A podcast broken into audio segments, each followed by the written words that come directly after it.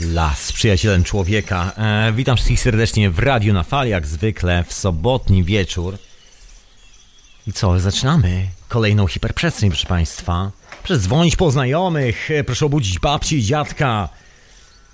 W całą rodzinę proszę obudzić, postawić na nogi całe osiedle. To co? To jak zwykle o tej porze, w sobotę, zaczynamy! A ja na imię Tomek oczywiście.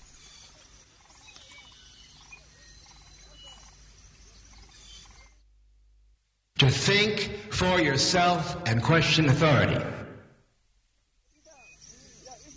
Po tym jakże oficjalnym początku, jak zawsze bardzo oficjalnie, witam was wszystkich w ten fajny sobotni wieczór. Mam takie pół księżyca za oknem w Londynie, piękna gwieździsta noc, jest naprawdę...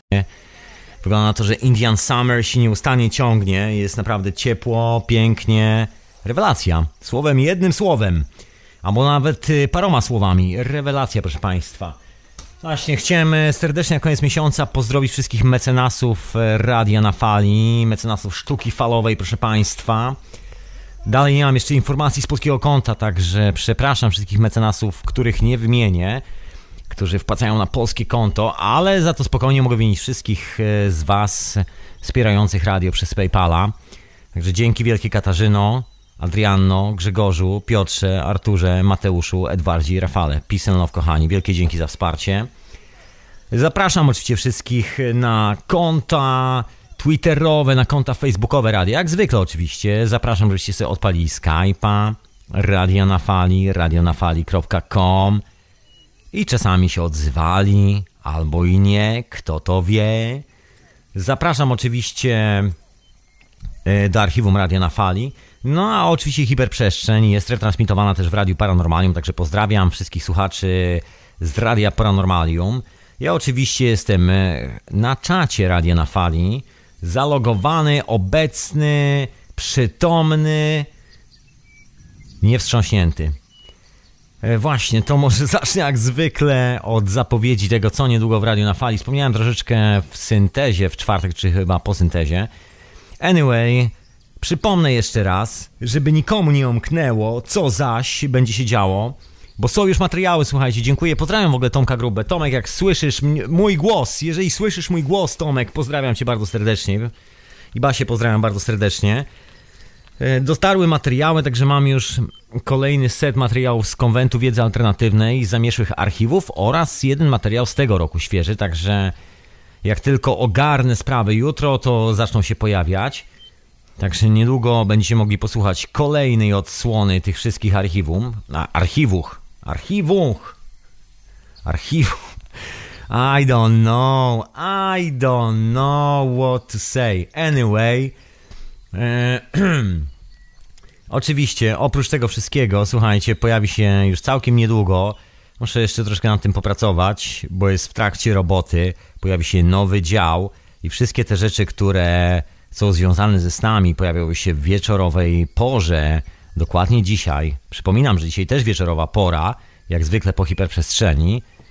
A co się pojawia w wieczorowej porze? Poza I Chingiem, rozmowami i wszystkimi tymi sprawami, rymuje i nawet nie czuje. Taki dzień, I don't know, e, pojawią się sny.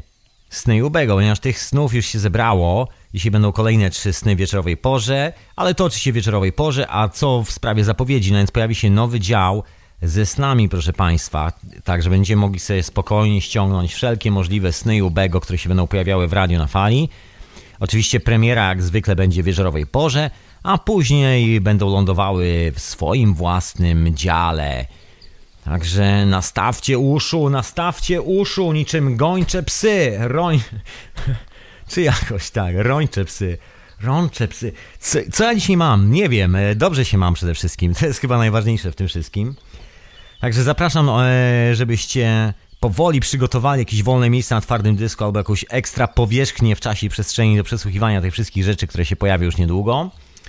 Oczywiście zapraszam do pozostałych audycji w radiu na fali do genialnego pichontarium, do genialnej etykiety zastępczej, do konwentu wiedzy alternatywnej, wszystkich materiałów, do syntezy do siebie, no i oczywiście do słynnej teorii chaosu oraz reszty spraw, które tam parkują w archiwum. i się kurzą, także możecie śmiało odkurzać to wszystko. No nie, tak się nie kurzy. Wiem, że ściągacie, słuchacie. Także miło mi, bardzo miło, bardzo sympatycznie. Także całkiem, całkiem nice, całkiem nice. A dzisiaj, moi drodzy, temat taki troszkę filozoficzny, jak zwykle. Nie filozoficzny do końca. Nigdy nie wiem, jak to powiedzieć. Czy to jest filozofia, czy to jest życie. No, myślę, że to jest życie. Oczywiście utarła się nazwa, że to jest filozofia, ponieważ opiera się to na naszych własnych refleksjach. Czasami te refleksje są przyganiane przez jakieś refleksje z zamieszłej przeszłości. Okazuje się, że nie jesteśmy tacy oryginalni, przynajmniej ja nie jestem taki oryginalny. Wiele z tych refleksji pojawiło się lata temu, zostało napisane masę książek na ten temat. Może niekoniecznie są to najbardziej popularne książki, najbardziej popularne tematy, niemniej myślę, że bardzo cenne i bardzo wartościowe.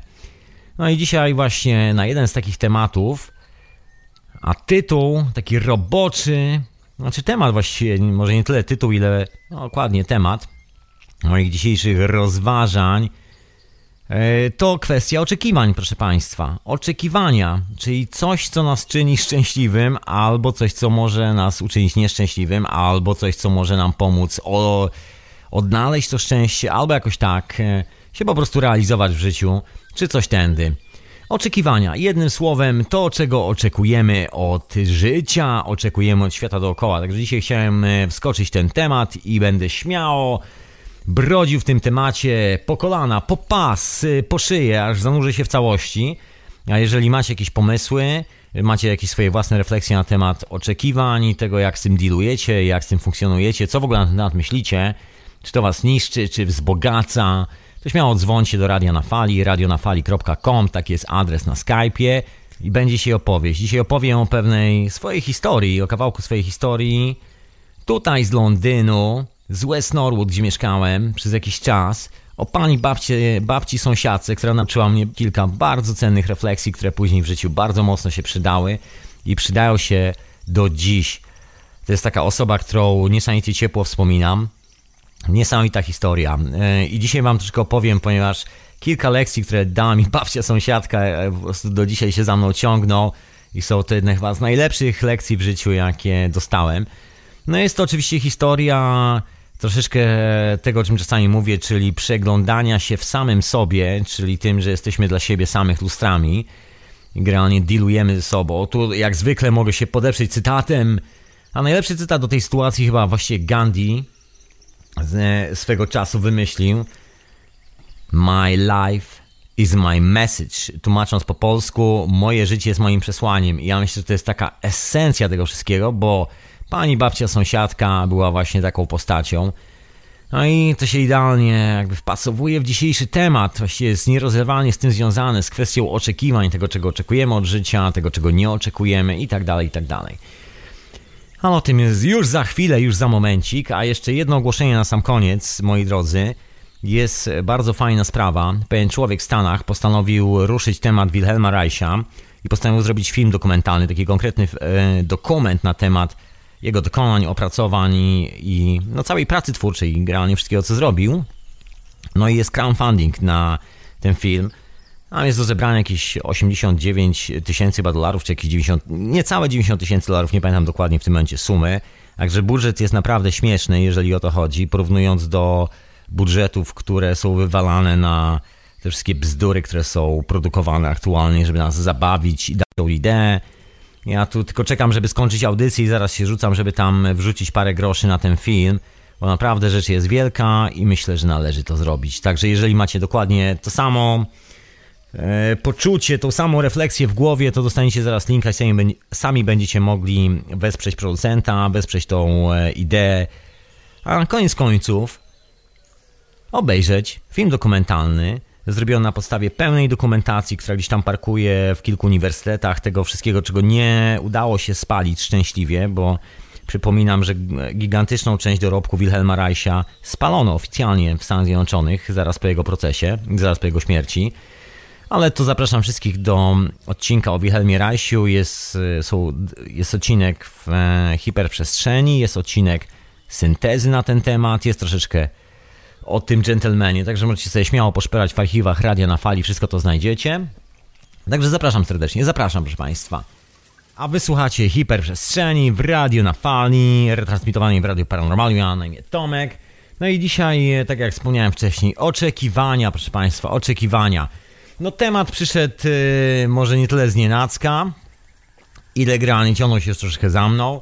Myślę, czas najwyższy, czas najwyższy ruszyć troszeczkę tę e, tą skamielinę, bym powiedział. O co chodzi z tymi oczekiwaniami? Na pewno każdy z nas, każda z nas, każda, i ty słuchaczko, i ty słuchaczu, chyba każdy z nas miał taki moment, e, może czasami nawet ma do dzisiaj, że czegoś bardzo chce, że w ogóle przede wszystkim może nie tyle chce, ile czegoś oczekuje, czegoś wymaga. No jestem świadkiem takich sytuacji bardzo często, chociażby dlatego, że prowadzę ten szalony projekt o nazwie Radio na Fali, jakże zdarza mi się być świadkiem e, oczekiwań wielu ludzi, którzy wpadają na to, chcę to, chcę tamto, daj mi to, daj mi tamto. Ale sobie myślę, hmm, brakuje tutaj troszeczkę, brakuje czegoś, e, brakuje chyba zrozumienia istoty natury świata, natury nas samych. Brakuje chyba takiego rzeczywistego wejrzenia w siebie samego. No i opowiem tutaj wam historię na temat e, oczekiwań i mojej tak zwanej babci sąsiadki. Pewnego razu, mieszkając tu w Londynie, przeprowadziłem się w takie miejsce na południu Londynu, nazywało się West Norwood. Dalej się tak nazywa. Rewelacyjne miejsce, nie wiem jak jest tam teraz, bo strasznie dawno tam nie byłem. To na tyle duże miasto, że jak człowiek się przeprowadza w jakieś miejsce, to z reguły siedzi w tym miejscu. Znaczy, buja się troszkę jak zwykle po Londynie, jeżeli się buja ale generalnie zna swoją dzielnię i nie buja się po dzielniach obok. To jest po prostu za duże miasto, żeby się tak kręcić we wszystkich kątach. Nie ma tyle czasu, odległości są za duże, trzeba spędzać godziny w pociągach, w metrze. Autobusów za bardzo nie lubię, także generalnie dużo czasu na to idzie, żeby podróżować na dłuższe dystanse. Także z reguły jak się jedzie na imprezę na drugą część miasta w Londynie, to już tam zostaje na całą noc, albo jakoś tak, bo ciężko jest później wrócić przez całe miasto. Czasami jazda przez miasto, słuchajcie, trwa 4 do 5 godzin i to wcale nie jest nic dziwnego, to jest po prostu potężna metropolia. No jak wylądowałem w tym West Norwood, no to akurat miałem taki moment w życiu, że można w cudzysłowie powiedzieć, robiłem karierę, czy jakoś tak. I wylądowałem w bardzo ciekawym miejscu. Wylądowałem w bardzo fajnym miejscu przede wszystkim. E, to jest granica właściwie, oficjalnie jeszcze jest West Norwood, ale to jest taka granica dzielnicy Dulwich, takiej bardzo posh yy, dzielni, że tak powiem, takiej wypasionej. Tam zdaje się połowa rodziny Margaret Thatcher mieszkała i takich konstabli, oficjeli, bogatych ludzi, strasznie drogie nieruchomości, jedna z najbardziej ekskluzywnych yy, szkół w tej części świata, czyli Dulwich yy, College. No i tak dalej, i tak dalej. Wymieniać można w nieskończoność. Taka dzielnica, w ogóle cała prywatna w ogóle dzielnica, to też jest taki fenomen, że nie jest to kawałek miasta, który należy do ludzi, jest to po prostu prywatna ziemia i wszystko jest opisane, że jest to prywatny teren, prywatne drogi, taki po prostu prywatna wioska w środku miasta. No, a mieszkałem tak mniej więcej na granicy właśnie Dulwich a West Norwood. Bardzo piękne, malownicze miejsce, bardzo zielono, widać e, wzgórze Gypsy Hill, no fajne miejsce, fajne miejsce. No i jak wylądowałem, e, to czyli mieszkałem akurat sam, miałem współlokatorkę. Bardzo fajną postać. No i jak tam się pojawiłem w tym, e, w tym domu, no to usłyszałem, że mamy sąsiadkę, taką starszą panią i że ona jest lekko świrnięta i żeby się nią nie przejmować, bo ona gada straszne bzdury i tak dalej, i tak dalej. I tak po prostu z buta moja nowa współlokatorka potraktowała sąsiadkę, powiedziała mi taką historię, że a to taka ześwirowana starsza pani, która nie wiadomo co mówi, ciągle mówi to samo, nie przejmuj się, nie słuchaj jej i tak dalej, i tak dalej. No i pewnego dnia, to były chyba pierwsze dni, kiedy tam mieszkałem, e, oczywiście jak zwykle do ogrodu, piękny ogród, także pobujać się troszkę w ogrodzie, a to była wiosna, także wybuchła zieleń dookoła. No i spotkałem z sąsiada z, e, z domu obok, znaczy z domu obok. To muszę wam powiedzieć, jak to w ogóle wygląda przede wszystkim. Ja mieszkałem w jednym domu, sąsiad, e, babcia sąsiadka mieszkała w kolejnym obok, a tuż za babcią sąsiadką mieszkał ów sąsiad. E, to była jakaś Azja, rodzina z Azji, chyba z Chin ludzie, czy jakoś tak. Nie, z Korei, przepraszam bardzo, to byli ludzie z Korei. Taka cała rodzina w ogóle z Korei Południowej, nie północnej. Bardzo sympatyczni ludzie. Z taką gromadką dzieci, zawsze to niesamowicie wygląda jak pakowali wszystkich rano do takiego prawie małego minivana, żeby porozwodzić do szkoły. Taka przygoda. No a pomiędzy nami była właśnie owa babcia sąsiadka. No i jak tak wyszedłem na ten trawnik, sobie tak stoję w tym ogródku, stoję, rozglądam się na niebo, na drzewa, Jak się przyglądam, jak to w ogóle wygląda, nowe miejsce, człowiek się zawsze zapoznaje z nowym miejscem, wrastam w ten trawnik pierwsze dni. No i sąsiad mi macha tak przez ogródek właśnie babci, dziadki, macha mi i krzyczy do mnie, że czy mam chwilę? Mówię, jasne, że mam chwilę. No to podchodzimy do płotów e, i tak wrzeszczymy troszeczkę przez ten ogródek babci sąsiadki. I on mówi, że on ścina babci sąsiadce trawnik z przodu i przycina krzywy z przodu, bo babcia jest już starsza i ja żem się zajął e, trawnikiem w ogródku. Cwany numer, bo oczywiście ten ogródek był 10 e, razy większy niż ten trawnik z przodu, ale spoko. Dla mnie akurat idealna sprawa. Może nie jestem jakimś takim strasznie ogrodowym człowiekiem, nie spędzam całego życia na ogrodzie, ale bardzo lubię, bardzo lubię.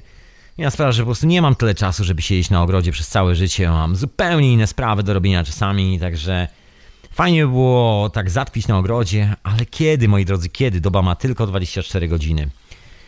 No i okej. Okay. Padło, padło na to, że ścinam trawnik. Taki podział ról, bo wiadomo, że babcia już jest starsza, sobie nie poradzi, ale nic więcej na temat babci nie poleciało. Poza tym, że z sąsiadem jak zwykle wymieniliśmy masę grzecznościowych uwag, co słychać i tak dalej, i tak dalej. No i tak oto dowiedziałem się, że oprócz tego, że mam babcię, która jest ześwirowana, dowiedziałem się, że mam trawnik do strzyżenia. Tak się zaczęła cała ta historia. No i pewnego razu, było to po paru dniach, bo tak, e, tak jak wam wspominałem, zajmowałem się wtedy troszkę bardzo intensywnym życiem zawodowym, znaczy zajmowałem się, no tak wypadło po prostu, robiłem karierę, byłem w takim momencie życia, że tak się wahałem troszeczkę, e, w którym kierunku pójść dalej. No inna sprawa, że byłem po takim mocnym maratonie dużych imprez, dużych resetów. No i inna sprawa, że oprócz tego byłem po chyba paru miesiącach robienia ayahuaski i troszeczkę pojawiły się inne refleksje w mojej głowie, trochę się wyczyściłem, bo to trwało parę miesięcy, tych sesji nie wiem nawet ile było, mniejsza o to. I generalnie taki e, troszkę nie wiem, czy konflikt, y, czy, czy nazwać to konfliktem, ale takie zderzenie dwóch rzeczywistości, bo to, że sam siebie odkrokowałem z kilkoma sprawami w głowie po tych miesiącach, e, jakby i tych nie, sesjach, których nawet, nawet nie wiem ile ich było, a mniejsza o to. A to nagle wylądowałem w sytuacji, gdzie dookoła mnie było masy ludzi, dla których najważniejszą rzeczą było posiadanie przedmiotów i było realizowanie swoich oczekiwań, gdzie największą, największą i najważniejszą sprawą w życiu było dążenie do czegoś, ambicja i zarabianie gigantycznej kasy. E, chociażby ludzie związani z firmą Apple, którzy pisali, właściwie nie ludzie związani z firmą Apple, tylko na przykład właściciel jednej z firmy software'owej pracującej dla Apple'a, która pisała aplikację na iPada. Jeszcze wtedy nikt nie wiedział za bardzo, że będzie coś takiego jak iPad, to było w ogóle tajemnicą.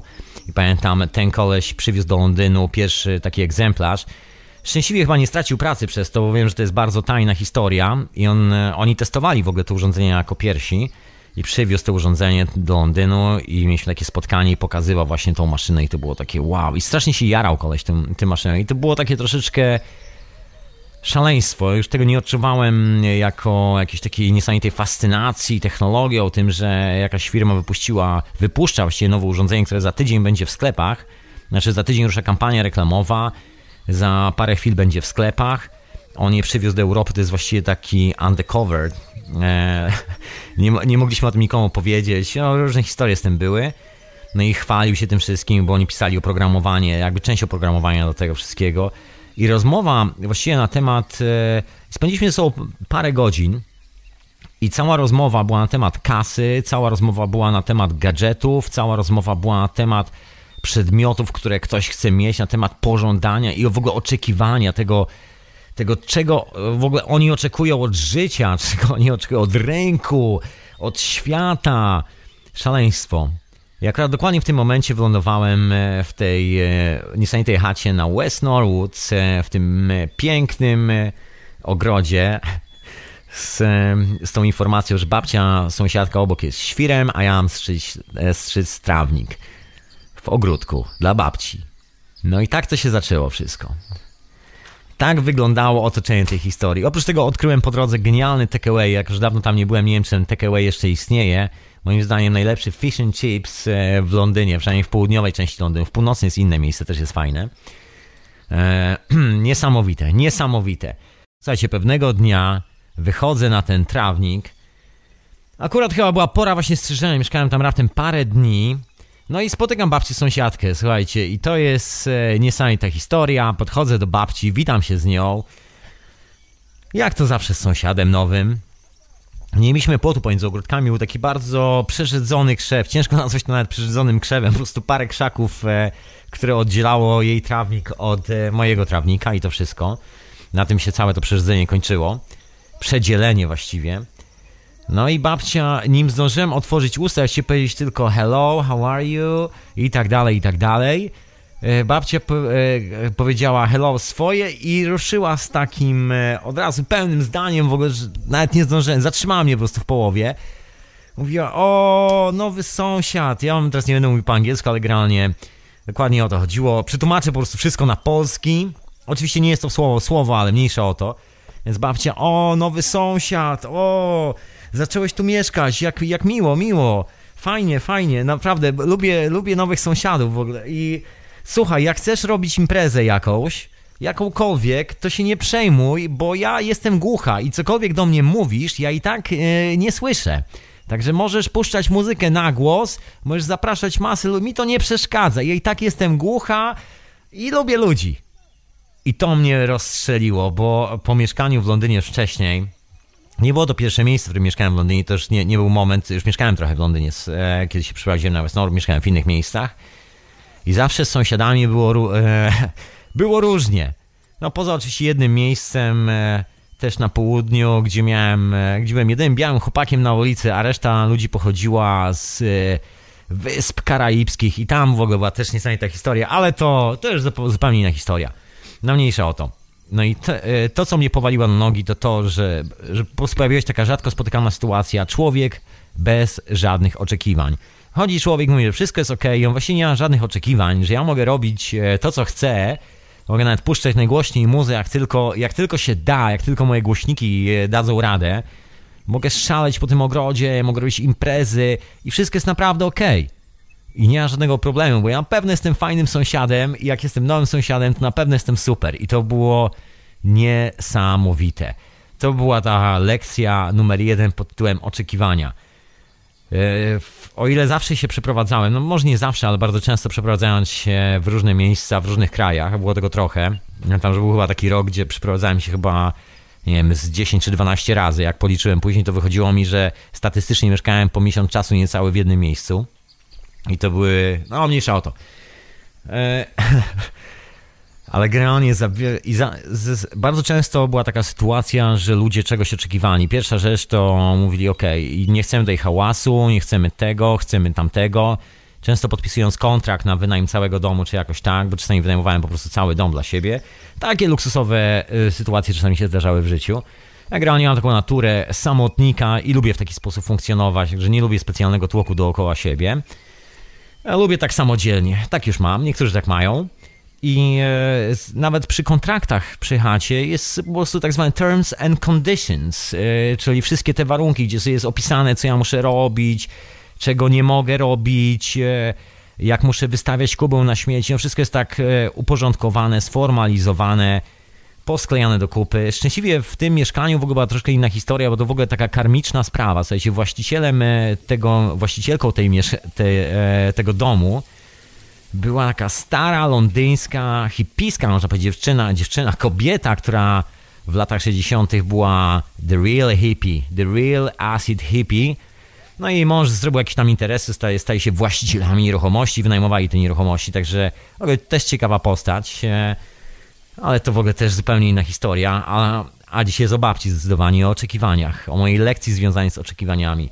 No i to był dla mnie taki szok troszeczkę, bo po takim świecie, bardzo sformalizowanym świecie związanym z moim życiem zawodowym, gdzie też wszystko z reguły dopięte na ostatni guzik, psychopatyczna rządza kontroli wszystkiego, e, oczekiwania potężne, jakby zanim cokolwiek się zacznie, to już są oczekiwania, klasyczny numer z biznesplanami, zanim w ogóle jakikolwiek pomysł się pojawi, to, albo jak się w ogóle pojawi zaczyn pomysłu, trzeba go przekuć na biznesplan i ten biznesplan musi je sprawdzić. Już ludzie żyją oczekiwaniem czegoś, co się jeszcze nawet nie zaczęło, a już powinno się wydarzyć, już powinien być ten big hit, ten wielki strzał. A tu ląduję w sytuacji, gdzie mam taką normalną osobę, która wychodzi i mówi mi, żebym się w ogóle nie przejmował. Że, jest wszystko, że wszystko jest ok, i że ona po prostu jest naprawdę okay z tym wszystkim. To było fenomenalne. Oczywiście na kartce papieru musiałem jej napisać, jak mam na imię, bo było ciężko na początku. I pojawiła się w ogóle taka fenomenalna rzecz, bo ja tak e, często, może nie tyle często, ile zawsze w hiperprzestrzeni, nie wiem czy zawsze, no bardzo często mówię o tych różnych filozoficznych, w cudzysłowie, historiach, o różnych konceptach, takich jak pole morfogenetyczne i tak dalej, i tak dalej. Te rzeczy nie wzięły się przypadkowo w mojej głowie, bo są związane z moim życiowym doświadczeniem. I między innymi ta historia jest potwierdzeniem tego, że no ja twierdzę, że to działa i że właśnie tak jest zbudowany świat, a nie inaczej. No to można się oczywiście ze mną kłócić, ale to już inna historia. To zapraszam, jeżeli macie jakąś inną refleksję na ten temat, jakąś inną koncepcję, śmiało dzwoncie. Ale w pewnym momencie zacząłem się dogadywać z panią babcią, sąsiadką, zupełnie, no nie wiem w jaki sposób, pomimo, że babcia była kompletnie głucha, głucha jak pień, doskonale się dogadywaliśmy. No i babcia opowiadała niesamowite historie, bo miała niesamowite życie. Słuchajcie, babcia miała na imię Paola, także bardzo szybko przeszliśmy na ty. I Paola zaczęła mi opowiadać swoją historię. Okazało się chyba, że jestem jedynym kolesiem, któremu się chce słuchać jej historii, ponieważ wszyscy mieli jakieś oczekiwania. Moja współlokatorka też robiła karierę jakiejś rządowej instytucji, pnąc się po szczeblach kariery, a po pracy oglądając e, mydlane opery w telewizji, żeby odreagować e, e, ten cały stres i ciśnienie związane z przekładaniem papierów z lewej na prawą i z prawej na lewą. No tam też są duże oczekiwania. No ja wylądowałem e, w ogródku z tą babcią. Wtedy dosyć mocno paliłem pa papierosy, nie, nie wiem, tytoń właściwie. Także wychodziłem sobie zapalić do ogrodu. No jak wychodziłem zapalić do ogrodu, to z, co siedziałem tam, zostawałem troszkę dłużej. Jak była ładna pogoda, to zdecydowanie im dłużej, tym lepiej. No i tak sobie siedziałem. Jak babcia wychodziła, bo było piękne lato, tak to się zaczęło. Zaczęło się na wiosnę i pojawiło się piękne lato. No i babcia wychodziła, od razu się witaliśmy. I podchodziliśmy do płota, albo siadaliśmy, braliśmy sobie krzesełka i Paola zaczynała opowiadać mi swoje historie. I ona zaczynała od tego, że ona jest taki bonkers. E, bonkers slangu, no właśnie to jest już takie słowo słownikowe, po angielsku oznacza, właśnie ma kilka tłumaczeń, oznacza kogoś kompletnie szalonego, jest mad, ktoś kompletnie zwariowany. W amerykańskim slangu to jest na przykład taka dziewczyna, która ciągle ma najnowszego chłopaka i tak dalej, i tak dalej. Po prostu kompletnie szalona osoba, która wiecznie ma ciśnienie, żeby e, gnać do przodu. I babcia była bardzo zabawna. O pewnego dnia, jakby chyba za drugim czy za trzecim razem przyniosła mi jakąś kopertę. Dała mi tą kopertę do ręki i spytała się, co, e, co jest tam napisane. Bo okazało się, że babcia, poza tym, że jest głucha jak pień, nie za bardzo potrafi czytać po angielsku. Właściwie, e, poza tym, że mówi po angielsku z takim niesamowitym włoskim akcentem, bardzo dziwnym, to ani w ząb nie potrafi czytać po angielsku, chociaż mieszka całe życie w Anglii. I że mi to przeczytał albo powiedział o co chodzi. W jakiś taki dziwny sposób, pomimo że ona była głucha jak pień, e, rozumieliśmy się. To był w ogóle fenomen. Nie wiem jak to wytłumaczyć, ale komunikacja między nami działała bardzo dobrze. No i taką miałem rolę czasami, żeby wziąć e, ten list i jej powiedzieć, co z tym listem zrobić, albo pokazać, albo jakoś tak. To taki wyczyn troszkę dla mnie, ale w pewnym momencie wszystko stało się bardzo naturalne i wszystkie te informacje w obydwie strony zaczęły działać rewelacyjnie. No i babcia w ogóle zawsze mówiła, że ona jest taki bonkers, ani pisać za bardzo nie potrafi, ani czytać po angielsku, nigdy się nie nauczyła.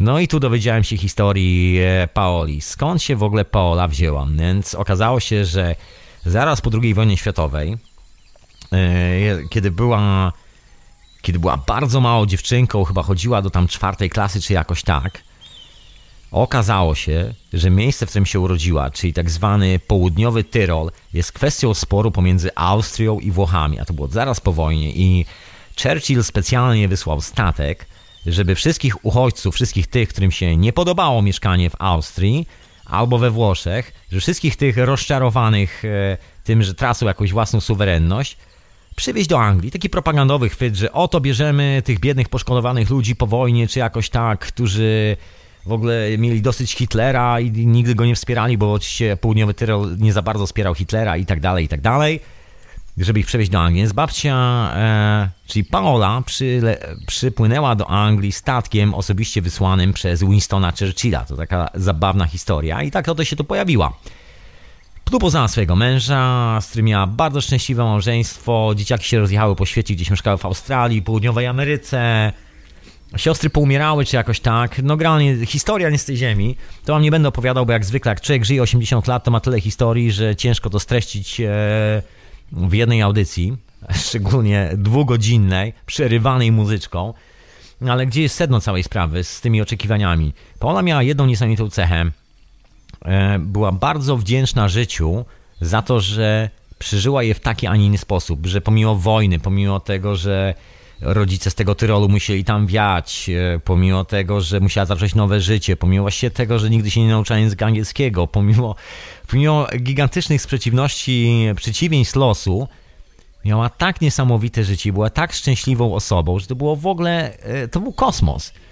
Będą, że wracając czasami z pracy, gdzie miałem tych zestresowanych koleżków, niektórzy z nich trzepali gigantyczne miliony, mieli gigantyczne problemy ze sobą, jeszcze większe niż te miliony, trafiałem na osobę, która w ogóle nie miała żadnych problemów. Nie żeby, e, żeby Paola była taką bogatą, starszą babcią dookoła, której wszyscy biegają, bo można od niej coś wyciągnąć. Nic z tych rzeczy. Się Paula straciła cały majątek, bo jak się okazało, bo jej mąż oczywiście zrobił majątek gigantyczny, kupił tam parę domów i tak dalej, i tak dalej. W jednym z tych domów Paula zamieszkała i to właśnie to był ten domo, domek obok. Ale jak mąż umarł, to okazało się, że Paola nie pamięta e, tych wszystkich numerów kont, nie pamięta nazw banków. Dosłownie, może brzmi jak historia z filmu, ale tak właśnie było. Także okazało się, że właściwie nawet gdyby chciała wziąć te pieniądze, to za bardzo nie wie, do jakiego banku pójść, jak je wziąć. Tam się okazało, że mąż zainwestował gigantyczne pieniądze e, w Stanach Zjednoczonych, ale ona już była w tym wieku, że właściwie nawet nie wiedziała, gdzie są te pieniądze. One były w jakimś banku w Arizonie. Opowiadała mi historię, jak to pewnego razu jechała właśnie, bo zwiedziła cały świat razem z mężem. Jak to gdzieś jechała przez Arizonę. Oczywiście Paula była, jak cały czas mówiła sobie, e, I'm just little bonker, I'm just little bonker. E, czy jakoś tak. E, pojechała samochodem, zapomniawszy zatankować samochodu. Arizona to duży stan, głównie pustynia. I efekt był taki, że skończyła się benzyna, bo się zapomniała i tak wylądowała w środku jakiej pustyni, nie mając właściwie nawet specjalnie ani zapasu wody, ani niczego, na jakiejś takiej dziwnej, odludnej drodze. No i postanowiła do miasta dojść na piechotę, bo taka dziewczyna po prostu z Tyrolu, że tam weźmie i po prostu się przejdzie i dojdzie do tego miasta. Może będzie szła pół dnia, ale dojdzie. Nie zdając sobie kompletnie sprawy, że w takim słońcu nie za bardzo wytrzyma nawet 3 godzin marszu. I szczęśliwie, tudzież nie, właściwie nieszczęśliwie, wybrała się w zupełnie odwrotnym kierunku, poszła w kierunku pustyni, także, a nie w kierunku miasteczka, bo oczywiście się pogubiła. Po prostu taka była. Słuchajcie, poznałem ją, ona taka była prawdopodobnie przez całe życie, także na starość się wcale nie zmieniła. Dokładnie tak samo cudownie roztrzepana osoba, nie zajmująca się duperelami, tylko po prostu ciesząca się z życia i nie mająca żadnych oczekiwań w stosunku do czegokolwiek. Po prostu, jeżeli się przydarza, to się przydarza, należy iść przed siebie i tyle.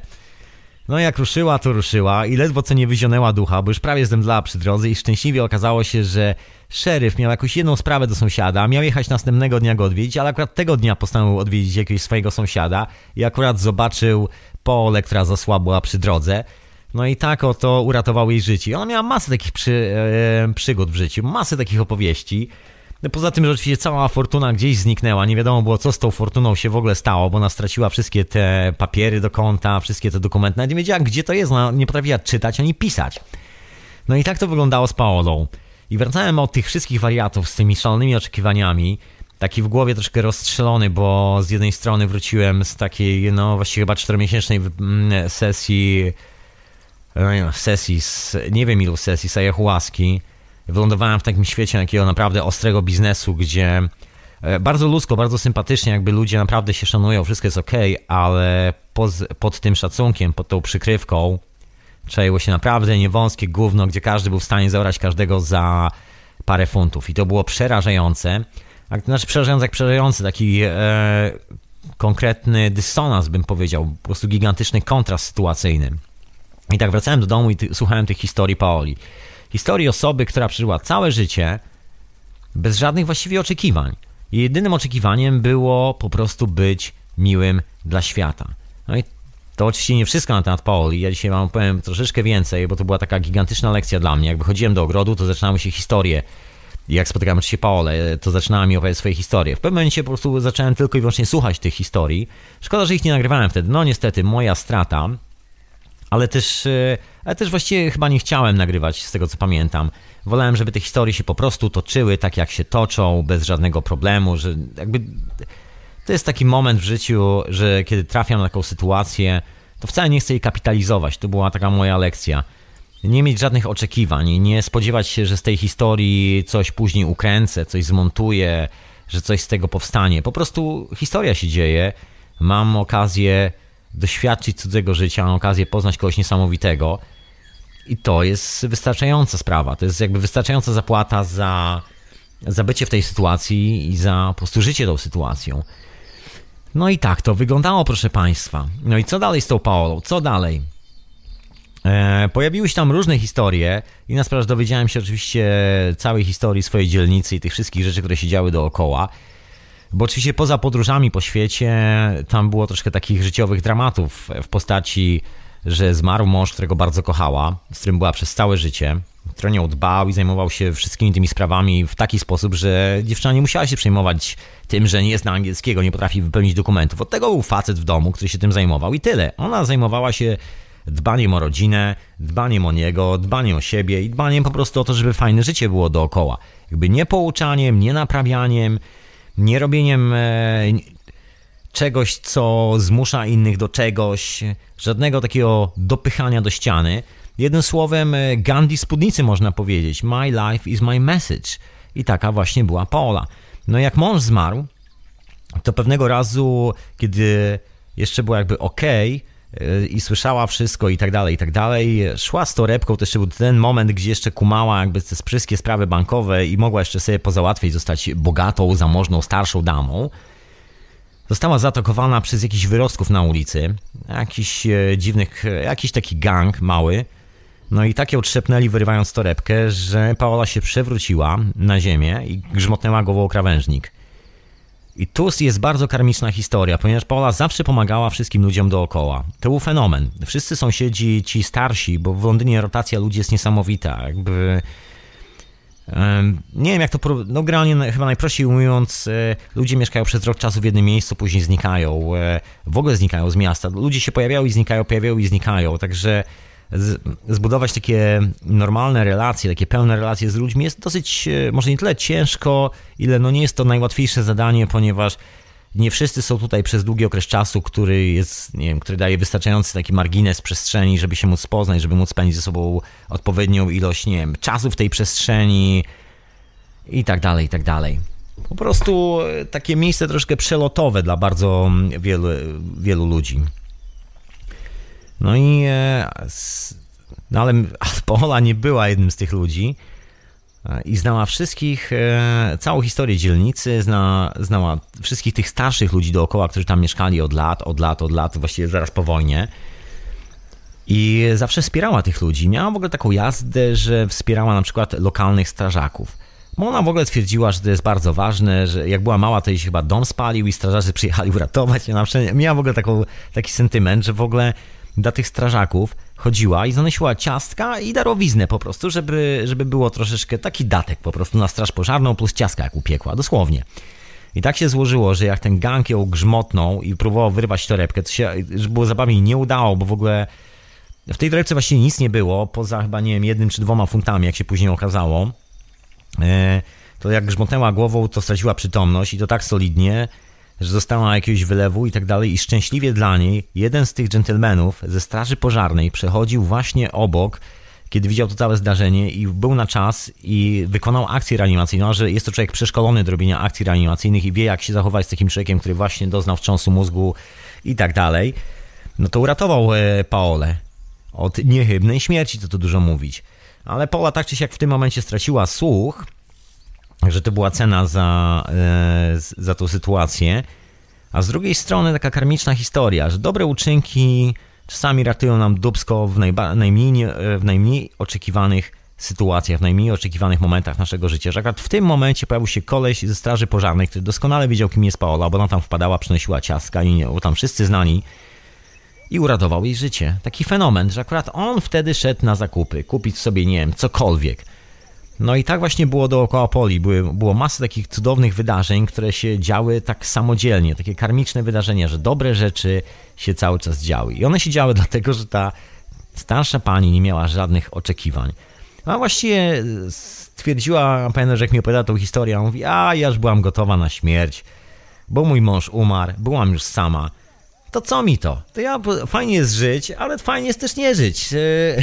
Taka mało przejmująca się tym, czy to, czy już odchodzi, czy nie odchodzi, czy, czy to teraz, czy jeszcze za parę lat. To już było nieistotne dla niej, nie miała żadnych oczekiwań. Mówi, słuchaj, i on wtedy się pojawia i tak dalej. W ogóle element, y, jakby kontynuacja tej historii była niesamowita, bo ci Paula zanosiła im do, cały czas ciastka, jak była właśnie, jak coś tam upiekła, jak coś zrobiła, to się zawsze wybierała do nich w odwiedziny, zawsze im coś tam zanosiła.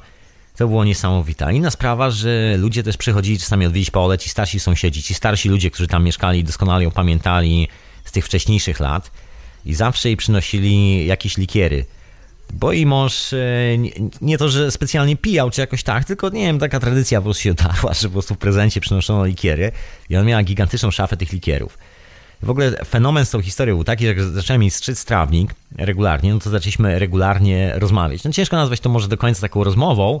Ja właściwie siadałem i słuchałem tego, co mi Paolo opowiada, wszystkich tych historii. No i pewnego razu E, doznałem tego jakby zaszczytu, zostałem zaproszony do domu, do Paoli e, i w prezencie dostałem najlepszy likier, który miała. To było w ogóle fenomenalne. Inna sprawa, że w ogóle pokazała mi, pokazała mi swoje graty po mężu, pokazała mi te wszystkie, pokazała mi kawał swojej historii, kawał swojego życia. E, między innymi taką kosiarkę do trawy, z lat 50., słuchajcie, kosiarka do trawy niesamowita, wyglądając jak taki stary amerykański Cadillac, przywieziona przez jej męża z, razem z wakacji ze Stanów wrócili, spodobała im się kosiarka, także zamówili sobie do Londynu taką kosiarkę, bo to było takie bardzo zamożne małżeństwo w tamtych czasach. I ta kosiarka była po prostu niesamowita. No poza tym, że ważyła jakieś pół tony, także koszenie nią trawy powodowało, że człowiek miał później zakwasy przez dwa dni, bo pchanie tego było naprawdę no, wyczynem. Była taka kosiarka do specjalnych, taka przystosowana do pola golfowego z takim dużym żelaznym walcem z przodu, który właśnie ważył pół tony, który ubijał jeszcze trawę dodatkowo. Pięknie strzygło, jakie stare kable i tak dalej, i tak dalej. Po prostu pełen vintage, zabytkowa sprawa. I ciągle w tych wszystkich opowieściach Paoli nigdy e, była jedna charakterystyczna sprawa. Nigdy nie było żadnych oczekiwań. Ona niczego od nikogo nie chciała. Kiedyś pamiętam, e, to na samym początku, jak ją poznałem, zaproponowałem jej, bo musiałem czasami pisać na karty, czasami coś narysowałem, jak mieliśmy problem z komunikacją, że zrobię jej zakupy. O Maot się na mnie nie obraziła, może nie tyle obraziła, ile, bo nie było żadnego takiego znowu, nie, nie, żadnych z tych rzeczy, uśmiechała się, cały czas śmiała, mówi, nie, nie, Tomek, nie rób tego. Ja uwielbiam chodzić. Ja już jestem tak stara i nie mam już nic do robienia w swoim życiu, że gdybym siedziała i gdyby ludzie robili wszystko za mnie, to ja bym umarła. Ja, ja sobie sama pójdę do sklepu. To mi pół dnia zajmę, ale będę sama szła do sklepu. I tak to wyglądało z Polą. Nie miała żadnych oczekiwań, nie chciała od nikogo niczego. Poza tą jedną pomocą związaną z korespondencją. Tam przychodziły jakieś listy z banku, jakieś e, kartki od znajomych, których ona nie potrafiła przeczytać i trzeba było po prostu jej w tym pomóc. I to było fenomenalne. To była niesamowita przyjemność e, po prostu być z taką osobą tuż obok. My się widzieliśmy co drugi dzień, czy jakoś tak. To, no, wrażenie niesamowite. Był taki mój, e, że tak powiem, taka kotwica normalności w tym szalonym świecie, w którym wtedy pracowałem. Wśród tych wszystkich ludzi, którzy mieli oczekiwania. Każdy był biznes, było otwieranie nowej firmy, e, potężna inwestycja, jakiś... E, no nie chcę tutaj detali opowiadać za bardzo, mniejsza o nie, ale naprawdę takie pełne biznesowe szaleństwo, w które zaangażowano dużo ambicji, dużo oczekiwań, dużo szaleństwa. Jak na ironię oczywiście, wszystkie te oczekiwania, całe to szaleństwo legło w gruzach w pewnym momencie. Szczęśliwie mi już tam nie było, e, przy tym jak to wszystko legło w gruzach. I to, I to była taka moja potężna lekcja, że z jednej strony widziałem ludzi, którzy szamocą się sami ze sobą w tych swoich oczekiwaniach, e, czekając na coś, oczekując ciągle, wymagając czegoś, jak nie od siebie, to od kogoś innego nieustannie. Wracałem z domu i miałem taką normalną kotwicę w postaci babci Paoli, która opowiadała mi historię o tym, jak mało gdzieś tam nie zginęła przez przypadek, gdzieś pustynę, na pustyni w Arizonie, bo pomyliła kierunki i poszła prosto na pustynię, ale jakimś cudem ocalała. I że to niesamowite. Ona później jakby wysłała jakieś ciaska do tego szeryfa. W ogóle niesamowita postać. Właśnie, żadnych oczekiwań. Jedno było e, takie bardzo szczególne, niesamowite w Paoli, że ona naprawdę uwielbiała swoje własne życie. Nie miała żadnych, e, żadnych pretensji do nikogo. Nigdy w życiu nie usłyszałem czegoś takiego. Miała e, kilka historii o kilku różnych szalonych ludziach, którzy się pojawili dookoła niej, między innymi historia jej dobrej przyjaciółce. Dobra, to może zanim opowiem, to e, puszczę muzyczkę, bo dzisiaj tak o oczekiwaniach, dlatego tak zacząłem od Paoli, bo wszystko, co wiem na temat oczekiwań, to jest wszystko to, czego się dowiedziałem sam ze swojego życia. Te wszystkie koncepcje, e, różne filozofie, różne podejścia do życia, o których opowiadam w hiperprzestrzeni, biorą się znikąd, moi drodzy. Biorą się stąd, że e, spotykam różnych ludzi na swojej drodze i czy chcę, czy nie, ci ludzie uczą mnie bardzo wielu różnych niesamowitych rzeczy i te rzeczy mnie budują. Później transformuję, transformują właściwie we mnie, zmieniają mnie i później sięgam do tych rzeczy i jakby sam się w tym wszystkim odnajduję. To jest w ogóle fenomenalne. I tak oto się znajduję z tymi wszystkimi koncepcjami, filozofiami, z, całym podejściem do życia, z tym, dlaczego wolę, dlaczego wolę, kiedy się zwracamy w kierunku natury, dlaczego wolę kontakt taki normalny z ludźmi, dlaczego lubię tak, a nie inaczej, mówiąc kolokwialnie. Właśnie przez to, że spotykam takich ludzi. To stąd się bierze później ten koncept, że sięgam, nie wiem, chociażby po Getego owego, czy cokolwiek innego. Właśnie stąd. To dzięki takim ludziom jak Paola. A wy słuchacie radia na fali hiperprzestrzeni. Ja na imię Tomek, audycja jest też retransmitowana w Radiu Paranormalium. A dzisiaj o oczekiwaniach, tak od e, takiej bardzo ludzkiej strony, od strony skąd właściwie się biorą moje refleksje, bo moje refleksje, które, o których tutaj opowiadam, biorą się tylko i wyłącznie z mojego własnego życia.